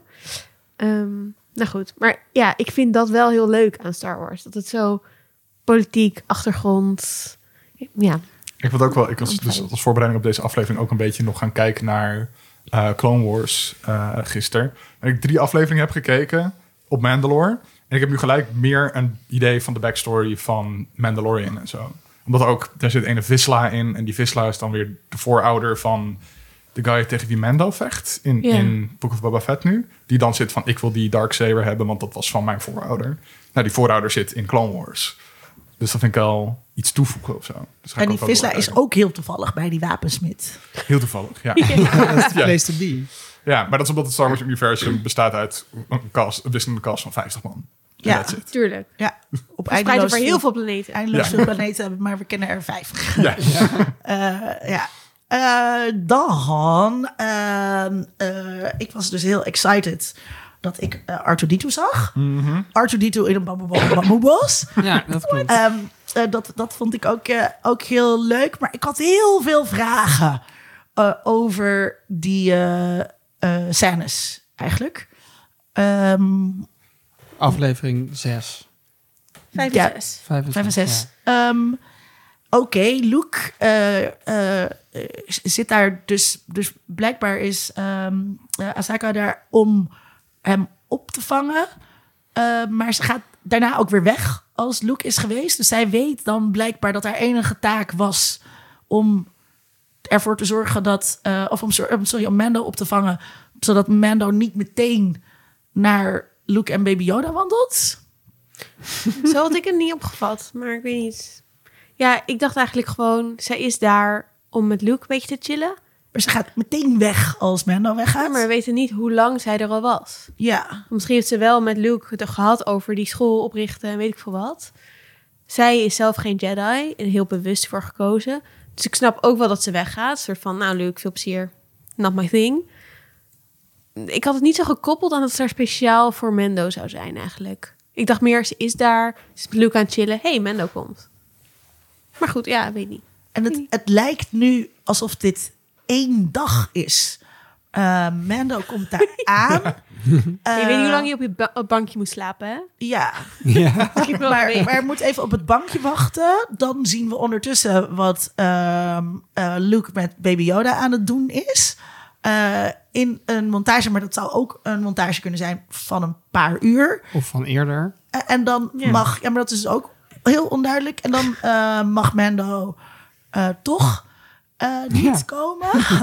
Onverrichter zaken Ik heb er even over nagedacht. Nee. keer, keert hij terug. Dat is ook, en het, maar de manier waarop het eh, in beeld gebracht wordt, is het net alsof dat één dag is. Ja. Weird. Dat is, toch, dat, is, dat is toch raar? En Ook dat is bij de want het wordt dus ook niet duidelijk of dit een montage is van zijn training. Ja, maar Of gewoon, in, dit, eh, is, dit is de sessie van vandaag. Luke krijgt toch ook een montage training? Maar dan is het heel duidelijk dat dat een montage is. Dan zie je in de manier waarop dat gebracht Dit is een montage. Ja, precies. Ja. ja. Dat, dat, dat is, en het is onduidelijk hoe lang hij daar doorbrengt, eh Luke. Maar het is wel duidelijk dat hij daar toch wel echt wel enige tijd zit. En dat zie je ook, omdat het Ja, steeds versneden is met eh, beelden van wat eh, Lea en Han Solo dan op het moment aan het doen zijn. Ja, en die, die school wordt toch gebouwd en dan op een gegeven moment is het ook af? Of niet? Ja, maar er zijn zoveel van die spider droids. Ik bedoel, Ja, oké. kan, kan wel da- die, die, die tempo kan je in een dag bouwen. Ja, die zijn daar gewoon mee bezig. Maar dachten jullie ook niet überhaupt... Gaan we Baby Yoda zien? Ja, Daarvoor? Van, we gaan hem niet zien dit seizoen? ik dacht dat we Baby Yoda niet gingen zien. Nee, ik Ja, ook. Ik was überhaupt heel erg verbaasd dat we hem zagen. Ja, Maar hij moet er wel al een tijdje geweest zijn. Want Mendo is ondertussen wel allemaal bounty Ja. shit aan het doen. Ja. Dus ik, misschien is het wel een montage van ook tijd daarvoor. Of het is gewoon je gemiddelde dag daar op training. En dit was niet de eerste dag van die Ja, training. t- dat kan ook. Ehm, de- oké. Dus Misschien daar- speedrunnen ze alles, maar kregen wij het in langzame tijd te zien. Ik vond het wel hoe, hoe ze die, die omkering maakten van dat Yoda zit natuurlijk in het eh, eh, backpackje van, van Luke terwijl die aan het rennen is. Maar nu zit de leerling ook nog alsnog in dat rugzakje. Ja. Terwijl Luke aan het rennen is. Maar hoe traint dit Grogu? Want jij bent nu gewoon lekker aan het hardlopen. En Grogu zit gewoon achterop gewoon Ja. zo lekker mee te dat- hobbelen. ja, dus dat vond ik ook meer fanservice. Ja, dat was heel erg fanservice. Hadden jullie emoties bij het weer zien met Arthur Dito? Nee. met, eh, met Luke. Niet per se met Luke. Wel met Ahsoka, wel met Baby Yoda. Zelfs ook met Mendo, maar niet met Luke. Maar ja, dat komt ook... Luke is niet mijn favo. Ik vind ook dat ze Luke lekker dood mogen laten. What? Maar hij is hier allemaal belangrijk werk aan het doen. eh, eh, gewoon voor de latere films. Gewoon, ja, de CGI ziet er beter uit dan in het vorige seizoen. Maar nee, het is nog niet perfect. En waarom, wa- waarom moet dit per se nodig? We hoeven niet Luke dan alsnog zo van in al zijn glorie te zien. Dat voelt dan toch te fanservice Ook voor die klagers met de Last Jedi van... dit is niet onze Luke, buh, buh, buh, zo herinner ik hem me niet. En dan krijgen ze nu deze en dan zijn ze tevreden. Ja, Oh, denk je dat dat was? nou, je hebt- dat is wel heel veel wat ik zag in comment secties van... ja, dit is eindelijk de Luke zoals hij hoort te zijn. Ja, I don't know. Jij, Dat hoef ik niet voor me. lieve? Ja, ik vond het wel leuk eigenlijk. Ik dacht, nou, ze zijn inderdaad, dat zei je net ook, ze zijn lekker bezig met die school. Of net aan het beginnen. Eh, en dan die keuze, dat vond ik echt dat ik dacht van, oké. Daar kom ik zo. Ik wil eerst weten... ja. Ehm, even kijken hoor. Nou, ik heb ook niet zoveel gevoelens eigenlijk erbij, denk ik. Toch minder dan, eh, ook van de R2-D2. Maar die is er altijd, bijna. Is de rode draad door alles. Toch? R2D2 Ja. is toch de enige Ja, die in precies. alles zit? Ja, een 3PO toch? Eh, ja. Eh, nu 3PO, niet. hebben we die al in The Mandalorian Nee. gezien? oh, nee, niet. Nee. Nee, dus dan inderdaad... Maar wel in R2. alle andere films zitten, ja. Ja. Eh, daar had ik dus wel super emoties bij. Ook bij... eh, ehm, eh, eh, wat is het? Skywalker? Force Awakens? Of Nee, de laatste. Rise of Skywalker? De Rise of Skywalker, ja. Eh, dat, dan, dat hij dan uitgezet Ja. werd. Dus, uh, memory gewiped. En ik had dus ook, toen ik Leia zag in ehm, eh, Rogue One... aan het einde van Rogue One, als je die techniek voor het eerst ziet... Ja. Nou, daar was ik echt door gegrepen. Ik vond het echt zo tof gedaan. En oeh, alles is rond en zo. En dat het dan precies dat moment is. Dat vond ik echt heel vet. En ik had ook nog wel eh, gevoelens bij Luke... eh, toen hij eh Ja, in ik eh, Ja, het dat was van Mandalorian kwam. Ja, dat vond ja, ik ja. ook wow. Ja. Ja. En dan was ook Het voor het ik eerst echt niet aan zien lightsaber. komen. En, Ja. dus Luke- en nu denk ik, ja, maar als jullie dit de hele tijd Ja. gaan doen, Disney, zitten jullie gewoon goedkoop van mijn emoties gebruik te maken. En dat laat ik dus niet gebeuren. Maar heb je wel eens een Disney film gezien? Ja, laatst nog en Kanto? Ja. Hartstikke leuk. moest ik bij huilen. Amazing. Ik ook. Amazing. Ja. Inside Out, ook janken. Maar dus, dus, en ik bedoel, nou, je kent mij, ik ben echt, mij kan je hartstikke goed bespelen. Ik hou overal eh, bij. Maar dit is zo, het voelde, dit voelt zo doorzichtig of zo. Van oké, en blijkbaar is die techniek ook goedkoper geworden. Eh, eh, dus kunnen we dit nu gewoon, we kunnen nu Deepfake look. fake look, ja, naar hartelust inzetten. En dan is het dus ook niet meer speciaal. Ja, maar dat maakt me bijna bang dat we dan in het volgende seizoen van Mandalorian... dat we dan een soort van een jonge Harrison Ford weer voorbij gaan zien komen of zo. Ja, Ja, ik hoop echt dat ze dat niet gaan doen. Nee, dat zou ik wel echt heel Star jammer Wars, als jullie luisteren. Doe het niet. Doe het Nou, niet. ja, wa- wat ik wel goed vond, en, maar goed, dat gaat ook een beetje over die keus. Kijk, laten we naar de keus gaan. ja, over de keus van, van hè, ga ik voor het, voor de, voor het wapen of voor het jurkje? Ehm, en Welke is nou eigenlijk de dark side, hè? Hè? Precies. Ja, precies. Mhm. Ja, maar ik dacht dus, we gaan sowieso die keus niet gemaakt zien worden. En toen werd ik Ja, weer dat dacht positief ik ook. Want het was best een goede cliffhanger voor het een nieuwe seizoen. Ja. Maar goed. Ehm, maar eh, het maakt wel dat het ook niet meer, dat we Luke niet meer hoeven te zien. Dat het op zich is het afgerond. Je hebt nog even twee keer, twee afleveringen een CGI Luke gehad. En nu is het gewoon klaar. Dat zou ik heel prima vinden. Een soort van in het nieuwe seizoen Mandalorian, alles wat nu nog gaat komen, is het gewoon. We focussen ons daarop. En die hele Jedi-school, we weten al wat ermee gaat gebeuren. We weten dat het gaat falen. Dat hoef ik ook allemaal niet te zien. Want ik vind het gewoon een tragisch verhaal. Ik hoef niet een jonge Ben te zien. Nee, precies. Ik weet al wat er zeg maar, tussen nu en eh Force Awakens gebeurt. Dat, weet je, dat is gewoon goed. Ga lekker door op die eh The Mandalorian, Ahsoka, weet ik veel wat lijn. Ik ben wel geïnteresseerd in het huwelijk van eh Han Solo en Ja? prinses Leia. ja, Ja, fair enough. wat daar is misgegaan. En Ja, eh, ja, daar mag van mij wel een Star Wars eh, holiday special over Maar- gemaakt worden. Dat het gewoon een soort, soort, in- van in hun huis- in, krijgen. ja, in hun huis zijn en dat Leia Maar dan aan het dus koken CGI is. De Deepfake is Leia. op. Ja, Is dat wel wa- wat je er dan voor over hebt? Deepfake Leia en deepfake Han. voor, voor een soort soapy eh, of misschien WandaVision-achtige... Of gewoon Marriage Story. Gewoon heel erg rauw en emotioneel. Ja, ja, ja, precies. En Oké, dan, fair enough. ja, Ik zou ook wel kijken. Eh, maar die keuze, hè? Ehm, eh, nou, eerst, wacht, wacht, eerst nog even. Ehm, Mando mag Grogu niet zien. Rude. Dat is toch gewoon... Gemeen. eh, ja, waren jullie het daarmee eens? Maar de Jedi-kinderen mogen toch ook dat? niet hun ouders zien?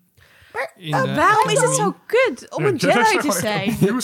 Je mag Ja. geen emotionele reacties hebben. Ja, Of maar dat kan toch helemaal niet? Ja, maar wat gaat ook alleen maar is- mis. Eh, Wat is Luke toch? aan het doen dan daar? En ik bedoel, alsof je niet een emotionele band hebt met je docent. Ja, een soort maar van, is er één Jedi Jij zit anders ook nog steeds hier? Tom. Nee, maar een soort van... Ik, ja, goed. Het gaf me weer... Het raakte aan mijn frustratie met de Jedi Order als een order of whatever. Als soort van the good guys, tussen aanhalingstekens. Er is gewoon geen één Jedi die dit kan. Die dit goed heeft gedaan. Het gaat de hele tijd mis. Ja. Dus waarom pas je je niet aan? Waarom streef je dit na? Waarom... Nou, dat is... Maar dit foreshadowt natuurlijk ook wel een beetje wat Luke in The Last Jedi... hoe Ja, hij er dan in zit. Gewoon de, de Jedi moeten kapot. Gewoon, dit kan niet zo door blijven gaan. ja.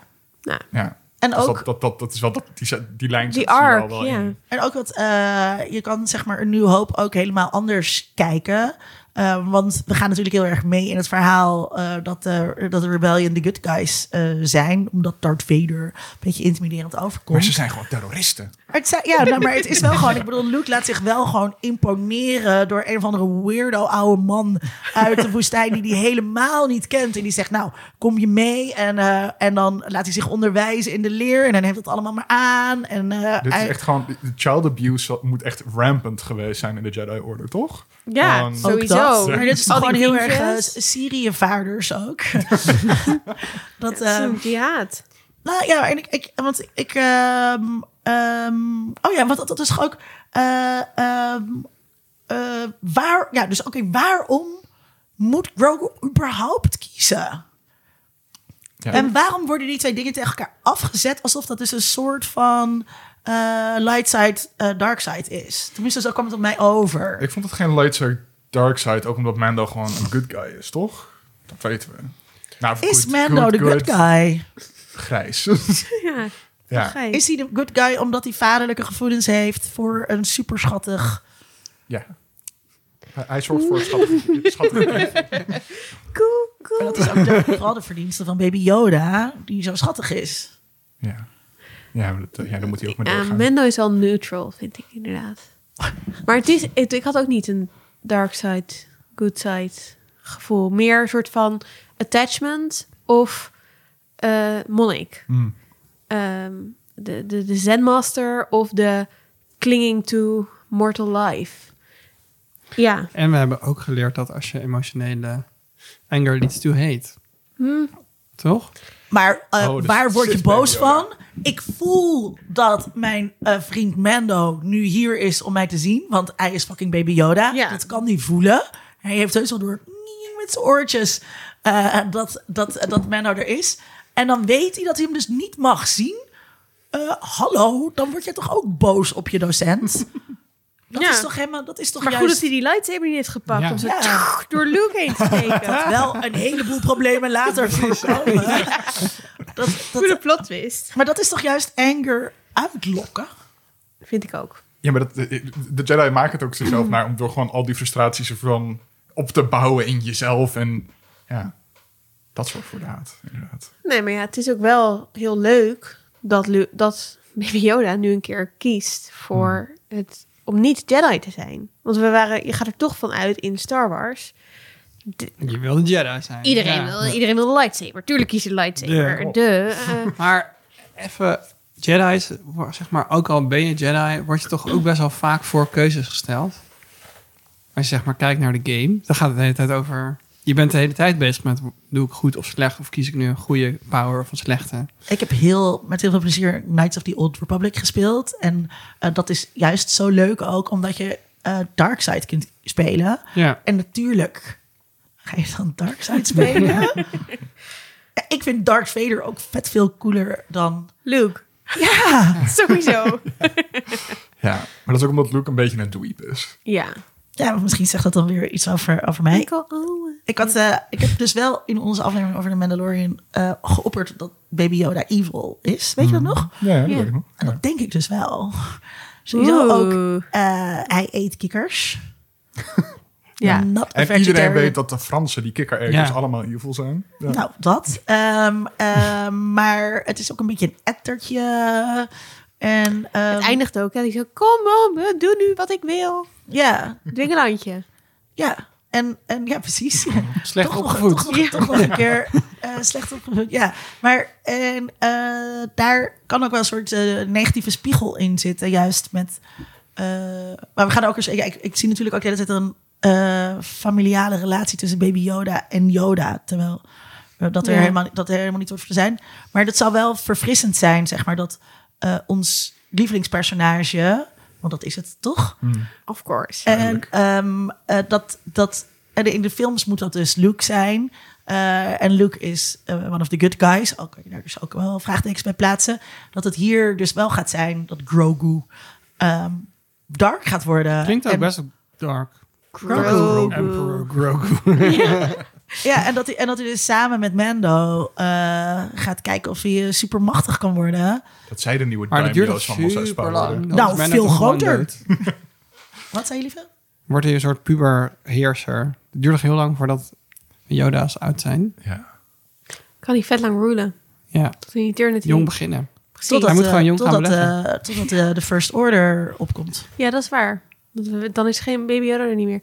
Ja, maar weet je nog, in de Mandalorian zat ook die hele verhaallijn over Snoke. Achtig al. Of nee, over ehm, de, de Force, de midichlorians van... eh, eh, die nodig zijn om de Emperor te revi- revitalizen. Was het daarin? Volgens mij was het idee van de Mandalorian dat ze op Baby Yoda aan het ja- jagen zijn, omdat hij zo'n hoog midichlorian of whatever gehalte heeft. En, en ze zijn allemaal testen aan het doen om de Emperor te kunnen maken, kunnen hermaken. Daar hebben we ook een soort van dingen van gezien. Dus dat, helemaal naar de laatste film, eh, de- hoe heet het ook weer, de La- Last Jedi toe. Ehm, Rise of Skywalker. The Rise, sorry, ja, Rise of Skywalker toe. En ehm, ehm, dat het, het lijkt een beetje te impliceren, omdat we Baby Yoda niet zien in die films en omdat het gelukt is om hem soort van te revitalizen, dat Baby Yoda misschien wel in handen gaat vallen daarvan. Hmm. Of in ieder geval dat ze tests kunnen doen of, of shit van hem af kunnen nemen. Dus ik heb wel ook altijd een beetje zo'n gevoel van, wat gaat er wat gaat gebeuren en wil ik dit wel zien? Ja, het is, het is eh, eigenlijk niet.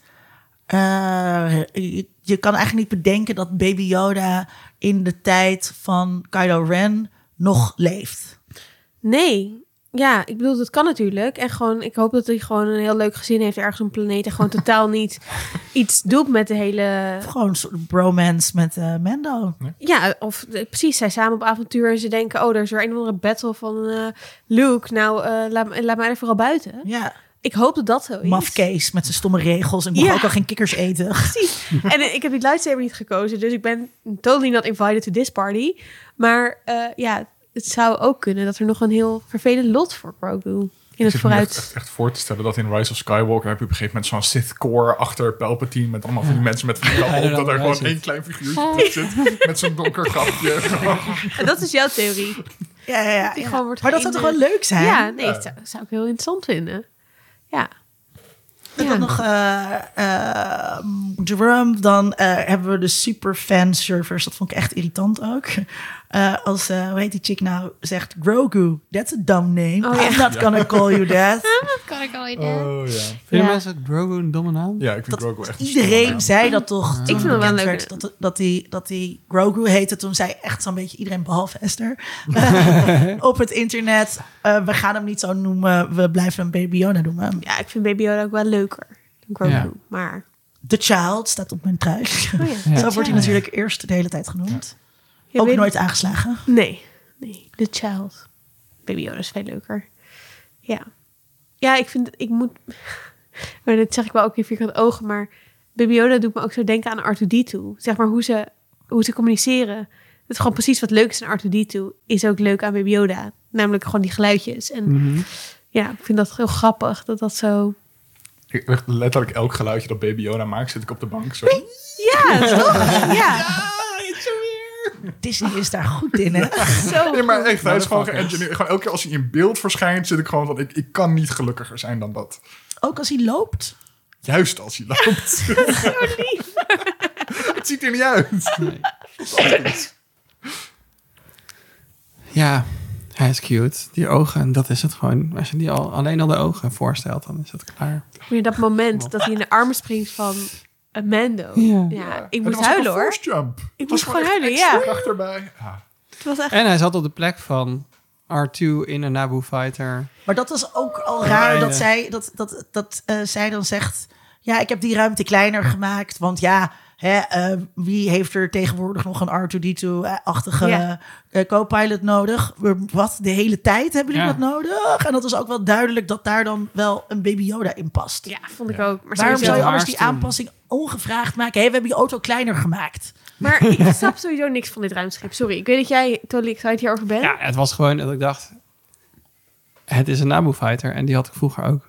Van plastic. Dus dat was Fair enough. heel leuk. Ehm, maar ja, Maar die voor, in het vorige schip deed Mendo allemaal shit. Zoals eh, prisoners vervoeren, Lijken. weet ik veel, douchen of zo. eh, eten maken, dat soort dingen. Dat kan allemaal niet hierin. ja. Dus je zit allebei in zo'n glazen bolletje. Je zit niet eens samen te chillen. Ja. En ze kunnen communiceren door op het raam te tikken met een balletje. En hoe ga je eten? Hoe ga je Eh, hoe ga je je bounty vervoeren die je Precies. gaat ophalen? Ja, daar gaat hij dus het echt alleen maar mensen onthoofden met de Darksaber en dat hoofd zo op zijn schoot meenemen. Dat is het net, wat de beenruimte van Baby Yoda. Nee, dus ik, ik snap niet dat hij blij is met dit schip. Het kan wel heel, heel snel. Dit kan heel snel. Ja. Oké, nou Dus dat dan is hoef je chill. niet meer Maar te slapen in je schip. oh ja, oké, want je gaat gewoon slapen op een planeet. Ja. Ik vind het niet on-brand voor Mendo, Nee. Dit schip. Hij- Het is wel shiny. Een, camper. de armor. nodig. Past wel bij zijn armor, ja. Ja, precies. Je wil een, een camper in schipvorm. Dat lijkt me ook chill een ruimteschip. Gewoon altijd. Eh, ik vond eh, eh, dat personage, ik ben haar naam even kwijt. Dus Oh, ja. met? Ja. die, met die krullen, die vrouw. Ja. eh, vond ik in, het, in de Mandalorian dus best wel leuk. Terwijl nu is het een beetje een soort eh, eh, hysterische, raar. Iemand die eigenlijk niks bijdraagt. Ook een beetje in de weg loopt. Ja, ik vond haar ook echt een beetje karikaturaal. Ja, Ja, dat was het misschien. Ze zijn dus gewoon stom. Maar dat is omdat ze inderdaad voor heel veel saaie dingen staat. Ja, Ja, maar ik vind de meeste dingen vind ik op zich wel leuk. En dan die me- eh, eh, Pimp My Ride scène, dat vond ik ook nog wel lachen met haar. Maar dan tijdens die la- dat laatste gevecht, dat ze dan alleen maar met dat karretje in de weg lopen. Ja. Whoopsie daisy. oh, mijn tanden. Dat is een beetje Oh, wat een knappe man is dit. Oh. Ja. Ja, Nee, dat was niet leuk. en we hebben wel van haar geleerd dat Gekke Jawa's tante. erg Het is een gekke tante. Ja. Ja, Wat, wat, Belangrijke wat? informatie in het Star Wars universum. dat is waar. Eh, dan is er het weerzien. Dat, was- dat was alles waard. Ja. Ja. Ja. Maar dat is toch de dynamiek tussen Mando en Baby Yoda. Is alles. Ja. Het, er- maar dat is, hoe fantastisch is dat? Want we zien geen gelaatsuitdrukkingen van Mando. Eh, Baby Yoda is ook gewoon een pop.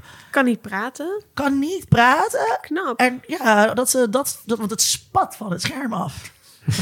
Ja, Ja. Jullie dat niet? is wel. Of is dat allemaal mijn projectie? Nee. Bij iedereen Same. projecteert hetzelfde daar. Ja. Ja, kijk, Esther zit te stralen en Ik ben ook nog verwacht zwanger. een Baby Yoda. Ja. Nou, kon, elke scène een Baby Yoda is nu nog meer emotie. Maar dat was echt... Oh my god. Ben je al een mutsje aan het haken voor je baby dat hij van die puntoortjes heeft? Dit moet hij wel echt hebben. Ja, ja, ja. Dit moet hij echt hebben. Zij is trouwens, het wordt een meisje. Ja, dit moet ze absoluut hebben. Ik ga dit doen. Eh, eh, ja, jullie ook huilen, alles. Niet emoties? huilen. Huilen, nee. Dat doe ik niet. We moeten huilen. Doe ik niet. Eh, en dan is er een eindbattle klaar. Dat was echt ook saai. Ja, Duurde zo lang. Duurde te lang. ja. Ik vond die weer- wel leuk. Ja, maar het was voor de rest ook heel veel... Er zat ook geen spanning in, want dan heb je op een gegeven moment komen die droids... en dat moet dan een oh shit moment zijn. En dan gaat die, een van die Heftige droids... droids wel. Heftige droids, ja. en ik Ja. denk dus heel vaak bij Star Wars... ze moeten toch ondertussen gewoon ook onverslaanbare droids Nou, kunnen maken. bijna dit. Maar dan gaat die bijna onverslaanbare droid... die loopt dan door een rechte straat... Er loopt twintig man in een car, soort van aan het einde van die straat. Hij hoeft alleen maar naar voren te schieten. Hij raakt niemand. Ja, dat blijft gewoon een ding bij Star Wars. Ja, maar, maar het is gewoon, er is geen spanning. Ik had op geen enkel punt het idee van... oeh, ik moet nou opletten, want nu gebeurt er iets belangrijks of zo. Het was alleen maar meer piu piu piu... en meer mensen die wegrenden... en meer piu piu piu en meer mensen die wegrenden. En ze zijn met heel weinig Ja. tegen ook best wel weinig. Ja, het was niet nou dat ook. Ja. Ja, Ja. Het, het zou, het zou de- echt een battle moeten worden. En dat is gewoon, verzamel iedereen. En dan kom je met 25 man terug. Ja. Ik voelde dat echt Er wonen toch ook veel meer mensen daar in de town. Hadden best wel wat meer kunnen helpen, vind ik. Ja, als je echt voor de community staat, dan Ja. moet die community dat ook wel... Dat zou heel emotioneel misschien beter zijn. Dat dan inderdaad dat, dat hele dorp in elk- opstand komt. En iedereen uit alle gaten Maar ze komen verraden mensen toch en- juist eh, Boba Fett. Ja, dat is waar. Ja. Ja. En dan gaan ze binnen zitten. ja. Maar ik, ik, want ik heb dus juist altijd het idee op, eh op Tatooine... Dat is gewoon een harde eh, planeet, ieder voor zich. Er is weinig gemeenschap, alleen in de bar van, ehm, eh, die chick uit Flashdance. Eh, die de eigenaar daarvan speelt. Ik ben haar naam even kwijt. Jennifer nog iets? Ja, Jennifer nog iets. Flashdance, een film uit de jaren tachtig die iedereen gekeken moet hebben. over een feministische film over een vrouwelijke lasser die danseres wil worden en daar slaagt. Vet leuke film. Echt, echt een hele leuke film. Precies een Maniac is daar toch Ja, ja, ja, ja, met die hele bekende auditiescène. Dat zij dan ook helemaal... ze gaat dan, moet dan een klassiek... Sorry, maar even meanderen. Eh, maar eh, eh, zij gaat dan auditie doen voor een, voor een dansopleiding. En dat is dan vroeger in de jaren tachtig was dat dan natuurlijk mijn ook klassiek ballet. Maar zij gaat dan heel cool soort van aerobics dansen met Nee. ehm, eh, beenwarmers aan en zo. Ja. Eh, en eh, nou ja, dat. ehm, maar eh, dus in die, die bar is dan ook een soort. Net als een Wild Westen saloon, is dat een plek waar mensen samenkomen die niet noodzakelijkerwijs gebonden zijn. Ik heb altijd het gevoel gehad eh, eh, van Tatooine dat het, dat het lawless is. Ja. Dus dat je helemaal, dat al die mensen die er wonen helemaal geen gemeenschapsgevoel hebben. Nou, we- weet je wat jij net zegt? Van eigenlijk heeft, hebben zij hem verraden. Waarom wil Boba Fett zo, vaak hun- zo graag hun daimo zijn? Ja. En Wat willen zij hem daar? nou inmiddels Hij, wel? hij wil voor die mensen opkomen die. Maar er, er moeten toch ook gewoon gewone eh, eh, werkers zijn in, in dat gebeuren. En je zit eh, waarschijnlijk net als in Dubai in barakken die je niet ziet. Ja. Nee, Ja, weird. Want het is best wel groot. Die, die eh, Ook al zien we steeds dezelfde straten. ja, Maar het is inderdaad groot als je uitzoomt. als je, eruit, als je de uitzoomen ziet, is het best wel groot. En eh, die Bantha maakt ook best wel veel stuk. Ja, Rancor is dat toch? Oh, Rancor, Rancor, sorry. ja, Ja, ja, ja. die soort King Kong. eh oh, daar zat ook, was ook zo heel obvious. Oh, nu klim ik in de toren. Oh, ja, King Godzilla, Kong. King Ah. Kong. Ja. maar het ook, ik vond het zo grappig dat op een gegeven moment zegt je iets van... hyper zelfbewuste plaatsing. we, we, we kunnen niet met dat en dat, want dan vernietigen we de hele stad. Ja, En dan kom je met zo'n Rancor ja. die de hele stad vervolgens vernietigt. Terwijl, en dus en Boba kan daar best wel goed op, eh, op eh, rijden. Eh, Pretty en, cool. en, en dan eh, wil Mando dat ook. En dan doet hij, doet hij gewoon, plop, haalt hij hemzelf van zijn rug af. Dat, dat hem, eh, ja, dus wat zou ik nou nog meer zeggen? Hmm, weet ik niet meer. Nou, eh, nul invested daar in die eindbattle. Helaas. Nee. Nul invested in Boba Alleen in Baby Yoda. en in Mando. Ja. En, en het lot van Mandalore. Ja. Ja.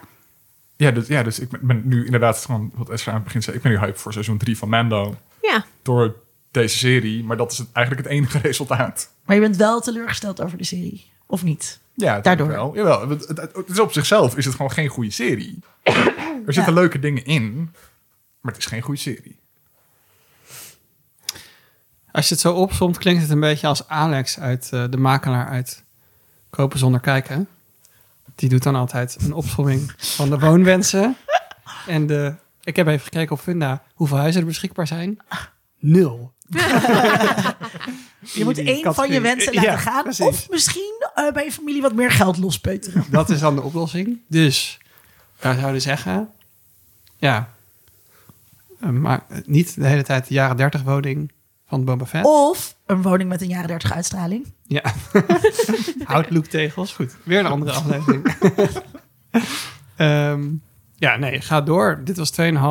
Je kan, kan je het niet gewoon kijken zonder dat hele gedoe met Boba Fett? Jawel. Kijk Ja. gewoon alleen aflevering 5 en 6. Ja. Ja, en 7, want dan, dan heb je de reunie-scène. Oh ja, ja. ja. Maar, ehm, ja, maar het vond ook... Want juist omdat ik dus dat zo leuk vind om in die Galaxy Far Far Away te zijn, vond ik het ook geen straf. Nou, ik wilde zeggen, ik heb me gewoon echt vermaakt. Ja, Ik vond het prima. Was ik was het fantastisch? Nee. Heb ik veel aan te merken? Ja, heb je gehoord. Maar ik heb me vermaakt. ja. Ga ik nog een keer kijken? Misschien aflevering 5 en 6. Maar eh, wat is nou de grote consequentie? Want we krijgen nu dus de hele tijd series en geen films meer. Krijgen we nog wel films over een paar jaar? Zou Ja. volgend jaar een film moeten komen, toch? Of dit jaar nog? Volgens, nee, volgens mij is het wel uitgesteld. Oh. Ik hoop dus dat er films komen waar as, de verhaallijn van Ahsoka uit Rebels doorgaat. En dan met de Mandalorian verhaallijn. Dat al die mensen samen gaan komen en dat ze dan grote quests gaan doen. Ik snap niet waarom er allemaal nieuwe verhalen moeten worden bedacht. Terwijl we hebben die vette mensen uit Clone Wars en karakters en weet ik wat. Maar, maar dan moet je die film ook aantrekkelijk maken voor mensen die de series niet gezien hebben. En ik denk dat dat Ja. dan best een uitdaging wordt. Ja, true. Je, lo- je loopt hier tegen... ehm, je loopt dus al snel tegen het probleem aan. Wat, Ja. ik, dus, wat ik dus heel erg heb. Ja. Eh, dat als je. eh, de, de trouwe luisteraar weet dat als je niet zeg maar met al die films eh, mee bent gegaan, dan zijn bepaalde films gewoon niet te kijken, want je kent al die mensen niet en daar heb je dan dus ook niks mee. Eh, en je moet hier en dus zoekt eh, Marvel ook naar manieren om dat anders te doen. Ik vond Hawkeye dus heel leuk, Ja. waarin dat heel goed geslaagd is. Eh WandaVision dan wat minder, maar eh, wat voor fans dan wel weer heel leuk is, maar voor noobs als ik dan weer minder. En ehm, dat risico ga je dus hier ook Ja. lopen. Dat, dat ehm, ze moeten heel erg gaan schipperen tussen wat, hoe maak ik het interessant voor nieuwe kijkers en hoe doe ik voldoende fanservice voor oude kijkers eh, om beide bij het verhaal te houden. Want Ja. wat jij voorstelde, moet je dus eerst alle Clone Wars gaan kijken. Nee, nee, nee. Want volgens mij zou je gewoon verder kunnen op wat nu in Mandalorian zit. Aan lore. En, en van Ahsoka komt er nog een serie. Mm. dus dan gaan we de Ahsoka-serie... gaan we allemaal dingen zien over Ahsoka... die denk ik heel erg tof zijn als achtergrond. Die je dan als kijker misschien al weet. En dan hebben we die backstory. En ik, ik denk dat je dan een hele vette film zou kunnen maken... die ook weer gaat over een soort heel, veel- heel groter verhaal... Wat denk ik vetter is dan de hele Force Awakens. Dat verhaal wat ze nog bij hebben bedacht. Mandalore of zo. Ja, ja, bijvoorbeeld inderdaad, we gaan Mandalore herwinnen. En, en we gaan kijken, eh, ja. nee. Maar Denk dan wordt het echt meer Marvel. Maar dan wordt het wel meer Marvel. Ben ik met je, dus ik ben het met je eens dat het ingewikkeld is. Ik, ik denk toch dat een nieuwe trilogie opnieuw eh, weer in eh, een soort eh, dynastie eh, verhaallijn gaat duiken met iets blijkt toch wel weer het kleinkind van Ray te zijn. Oh. Of- ja, en dat maar daar gaat Star niet Wars zo toch over? Een soort van familiaire lineage. eigenlijk is het gewoon een soap. Ja. Ja. ja. Nee, de eerste film wordt toch van ehm eh, eh, Patty Jenkins van Wonder Woman, die regisseur. Die heeft een film gekregen. Rogue Squadron gaat dat worden.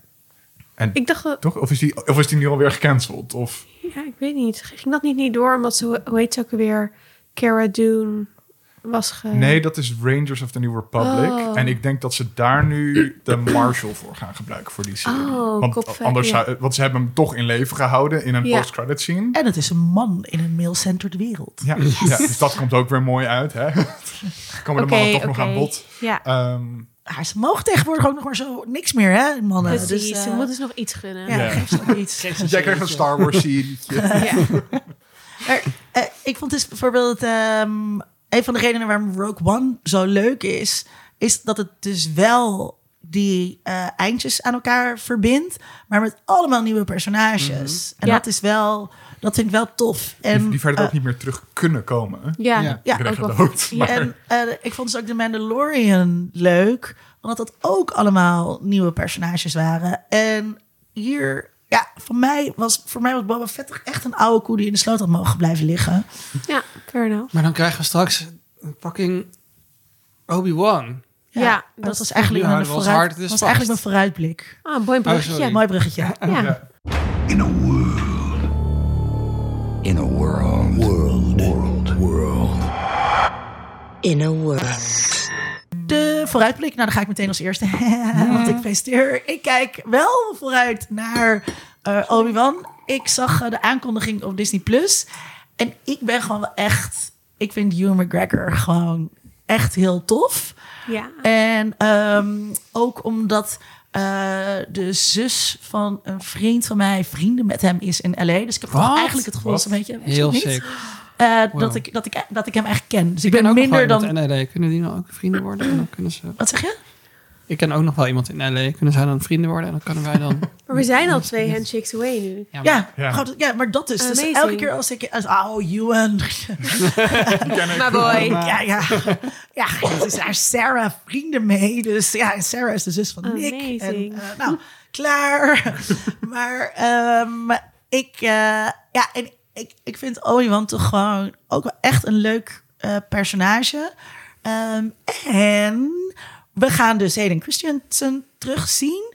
De meest gehate Ja, acteur, denk ik, hoezo je naast... enthousiast eh, ehm, eh, Jar Jar? Jar Jar, maar daar Nou, zat ja. geen acteur achter. Nee. Nou, jawel. Maar die kent niemand. Nou, die heeft wel wat uitgekregen. ja, Dat maar, eh, maar dus uh, Hayden Christensen hebben we eigenlijk nergens meer zien acteren, toch? Heel weinig. Hij Ja. heeft een paar, paar grote rollen gehad en daarna was hij heel snel. En ik gun, Weg. ik gun hem zijn eh, redemption. Dus, ja. eh, maar en hij ik, gaat ook Anakin weer spelen. Ja. ja, Dus we krijgen Vader. nog meer... Ja, de, de Ah. beginnende de jonge Vader ja.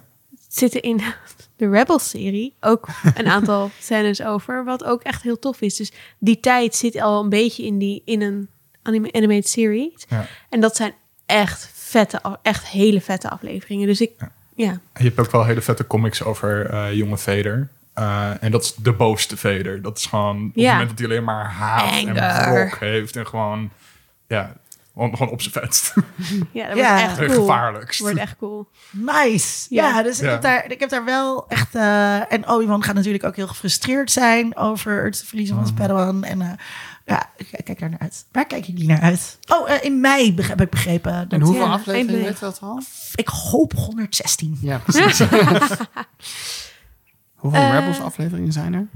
Ja, Rebels is maar twee seizoenen volgens mij. Oh. Clone Wars is wel meer. Oh, Clone Wars bedoel ik. Clone Wars is zes of zo. Maar je moet even, we kunnen ook al in de show notes zetten. Er zijn best wel wat overzichten van, dit zijn de 15 afleveringen door alle seizoenen heen. Oh, een speedrun. Die je kan kijken. Ja, want echt de driekwart van de aflevering is... Arthur D2 gaat op avontuur om een van haar verloren droid vriendje te vinden. Ik ben benieuwd. Ja. Ja. I love Arthur Ja, D2. dus dat, dan ben je echt zit je heel goed. Ja. maar voor het grotere verhaal zijn er gewoon iets van 15 afleveringen die zijn super tof en de rest kan je gewoon overslaan. Ja, en dus om, om ik, toen ik als voorbereiding hiervoor eh Clone Wars ging kijken, heb ik een lijstje van de vriend van de show van eh Vierkante Vierkante Ogen. Oog gepakt. Ja, ik heb een van dit, dit zijn de afleveringen die je moet kijken om de Mandalorian specifiek te snappen. Ja. Dus dat is ook heel chill. Pro Eh. Waar ik naar uitkijk, ja, is ehm, de game Elden Ring. Komt vrijdag uit, 25e. Ik heb hem gepre-ordered.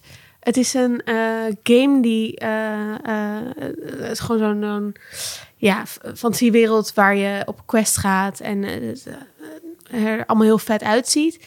Maar George R. R. Martin heeft eraan meegewerkt. Hmm. De schrijver van Game of Thrones. Heeft jij geen andere dingen te doen? Ja. En ja, ik ben fucking woedend. Elke keer als ik iets over die man lees... wat niet gaat over dat hij nieuw opgesloten zit... om The Winds of Winter te schrijven. Maar als hij dan toch dit soort projecten gaat doen... dan wil ik er ook wel vol van genieten. Mhm. Ehm, eh, en ja, het, het, het wordt, het schijnt heel erg vet te gaan worden... en ik heb er heel veel zin in. Ik heb zin natuurlijk in de volgende delen van de Kanye docu, want dat heb ik net al gezegd. Eh, en ik heb ook zin in de Vlaamse Wie is de Mol. Oeh. Wanneer begint dat? Altijd na de Nederlandse. En ik ben pas voor... Ik was dus gestopt met Wie is de Mol kijken. Ben je gestopt met Ben Wie is ik de Mol kijken? Maar het is echt zo leem. Ja, maar echt al een paar jaar geleden. Maar toen, vorig jaar... Dit is echt dat we iets wat ik dus nooit wilde kijken en wat ik moest kijken omdat Lieve heel erg fan was. En ik toen met Lieve was. ging het uit. Toen Het ging het uit, ik, kijken. "Goh, eindelijk bevrijd. Zelf Nu ben je zelf gestopt. Ja, ik was ook Jezus. vlak daarna Gestopt. gestopt. Maar het is gewoon zo stom. Maar toen ging het dus vorig jaar... na al heel vaak aangeraden te zijn... maar nu echt Door Natasha V onder andere. Ja, op mijn hart gedrukt door Nidia en Daniel. Eh, ga het gewoon kijken. En toen ging ik het kijken en toen dacht ik... wow, dit is gewoon... Ja, dit is gewoon De Mol heet dat. Eh, zo anders dan Wie is de Mol? En zoveel... Ja, je kan het gewoon niet uitleggen hoeveel vetter het is. Maar, het is geef niet eens- BN'ers, toch? Maar Want het is niet met BN'ers, ook niet met BB'ers. Het zijn veel sikkere opdrachten. Ehm, veel psychologischer tegen elkaar opgesteld. Ja, gewoon heel veel cooler. die it. Belgen toch iets goed als het State. Ja, oh, je moet nog reclame maken voor de Podcast Academie Oh, ja. van het Podcast Netwerk. Maar go ahead. Stel je Altijd een promo pod- doen. Je, je luistert naar een podcast en denkt, nou, dit is zo makkelijk. Dat moet ik ook kunnen. En dan begin je en dan denk je, ja, dit is eigenlijk heel moeilijk. Nou, daar is de Podcast Academie voor. Iedereen kan meedoen. Ja, het hangt een beetje vanaf wanneer je dit luistert. Maar er zijn, elke maand is er eigenlijk een cursus. Ehm, Wat voor dus dan- cursussen zijn dat dan bijvoorbeeld? Ja, bijvoorbeeld de montagevaardigheden. Hoe maak ik het geluid mooier? Of eh sounddesign. Hoe werk ik met geluid in plaats van alleen maar met tekst? Eh, die zijn de komende maanden. En eh in het najaar komt vast wel weer de Oral History Interview cursus van niemand minder dan Anne-Giet Wietsma. Kijk eens, Anne Media, die we kennen van de Deventer Mediazaak. Ja, Pam, pam, pam. En eh, waar Ja. kunnen mensen informatie vinden over deze podcast Op academie? podcastnetwerk.nl Onder Podcast Academie. Ik zet het in de show notes. Heel goed. Tom, Eh, ik kijk uit naar... God, ik moet een titel opzoeken. Sorry, sorry, sorry. Eh, zo erg kijk je er dus ook niet naar uit. Klinkt een beetje geforceerd, Tom. eh, Maxine Miles. Dat is een nieuwe podcast van de maker van de fictieserie The Bright Sessions. En dat vond ik een hele vette podcast. Heb ik hier lang geleden ook wel eens over verteld. Eh, dat is eh, een beetje de X-Men, maar dan als ze in therapie zouden gaan. En ook hun powers wat meer te maken hebben met psychologische dingen dan met fysieke superkrachten en zo. Als een soort homogenezingstherapie? Nee, nee, nee, nee, nee, Oh, nee, nee, nee, nee. Dit is meer van, eh, ehm, eh, je bent een empath, super empathisch, kan gevoelens van andere mensen eh, meekrijgen. Dat doet iets met je en dan ga je naar therapie en dan praat je er doorheen en hoe ga je ermee om en dat soort dingen. Ehm, heel vet concept, heel erg goed uitgewerkt. Enige podcast waarbij ik soms dan, terwijl ik aan het fietsen was, soms mijn fietsje aan de kant moest zetten omdat ik moest huilen. Ehm, Cute. ja, maar het is gewoon echt heel goed. Gewoon, het, is, het is een heel high concept, maar het werkt zo ontzettend goed. En zij heeft nu een nieuwe serie. Is volgens mij wat meer YA-achtig, dus young adult, dan die eerste serie. Een podcastserie, toch? Ja, een podcastserie. Ehm, en er zitten blijkbaar choose your own adventure elementen in. Waar ik heel erg benieuwd naar ben hoe dat werkt in een podcast. Of je dan ga naar aflevering 3.1a als je deze keuze wil maken of zo. Ik weet, ik weet het niet. Ja, dus ik ben heel benieuwd hoe ze cool. dat Ja, eh, dat gaan heb, doen. is al wel vaker gedaan. ja, ik wil zeggen, is dat niet al vaker gedaan? Ja. Eh, Podcastkenner. Dat is vaak gedaan. Ik weet even de titel niet. Ehm, maar ja, ik heb het ook nog niet geluisterd. Ik luister Ik dus geen zin in. fictie. Ja. Nee, het- ik, ik vind het heel vet klinken. Dus, eh, ja, Wat best wel logisch is, toch? Want juist zeg maar in games is dat heel cool. En in televisieseries is het onbetaalbaar. Ehm, de- ja, ik heb echt helemaal niks. Black Mirror heeft zo'n Ja, interactieve aflevering willen maken, wat helemaal niet En werkte. een film, Bandersnatch. Ja, dat, Ja, ja, dat is die. Ja. Oh, dat is die. Terwijl bij een podcast eh, is dat natuurlijk veel goedkoper Ja. om eh, interactieve verhaallijnen. Dus het zou, je zou denken, that's the future of podcasting. Nou, dan komt er eind van het jaar misschien als ze subsidie krijgen nog wel nog veel vettere podcast uit. Oh Oh. Maar daar kan ik. Ja. Wil je daar meer over weten? Abonneer je dan op Liefdes Nieuwsbrief. Ja, dan kan je het sowieso erover lezen. Eh, dit was aflevering 92 van eh, Geeky Dingen. Wij vinden het leuk om bonuscontent eh voor jullie te maken. Eh, als er iets is waar jullie denken, praat daar eens over. Of, Ik heb een verzoekje. ja, go ahead, lieve. Nou, ik dacht net, kan je niet een aflevering maken over media? Over media? Of hebben jullie dat al gedaan? Een aflevering over media. Dus bijvoorbeeld eh, die series, die fictieseries zijn over real-life tv maken. Eh, Media over media. Oh, media over media. Ja. Entourage wil ik heel graag. Oké. Maar dat is wel heel. Entourage gaan kijken. Dat is leuk, toch? Is dat leuk? Wanna hug it out, bitch? Oké, we're allemaal krekels. Gekeken, sorry. Oké, Eh, ja, maar, laat maar. nou, we zien in acht seizoenen heteroseksuele ja, dat is bro-cultuur. inderdaad niet meer oké. Eh, ja. Als je eh, iets inlevert bij jullie een idee, dan reageren jullie super enthousiast, toch? Ja, ja, ja. nee, zeker. dus Kom vooral met al je ideeën en dan schieten we het Of heb je een beter idee Ja, dan dat van Lieve? Red ons van het kijken van Entourage. Eh, en eh, eh, laat het ons vooral weten. Ehm, als je onze show eerder wilt luisteren dan anderen dat kunnen... Word dan vriend van de show of Patreon. Ehm, en voor een klein bedrag krijg je dan de feed op donderdag... in plaats van op zaterdag, zoals het Klootjesvolk. Zoals altijd dank aan onze vaste steun, Rona Bosman. Heel veel... Rode Bosman? Rona Bosman. De Rode Bosman. De Rona Rona Bosman. Is er maar één van, Ja, denk ik. Eh, er is er maar eentje. Eh, heel veel dank Esther dat je er was. Eh, zeker ook met al je eh, Clone Wars eh, en Rebels kennis. Heel veel dank ook Lieve Heremans die op het laatste moment kon invallen. Graag gedaan. Groetjes aan Sikko. Oeh, dat is een sneer. Luister ook vooral de aflevering van de Vierkante Ogen Ja. over eh, de Boek of Boba Fett. Dat kan ik nu eindelijk gaan doen, Ja. nu we deze hebben gemaakt. Heel veel dank ook weer aan Tom. Graag gedaan. Volgende keer gaan we het hebben over high concept films. En het huiswerk daarvoor is Jaws, The Invention of Lying, Speed, Ted en Face Off. Dus Ted? Heel veel zin in. Is dat met die beer? Ja. Ja, die vond ik echt niet leuk. Maar goed.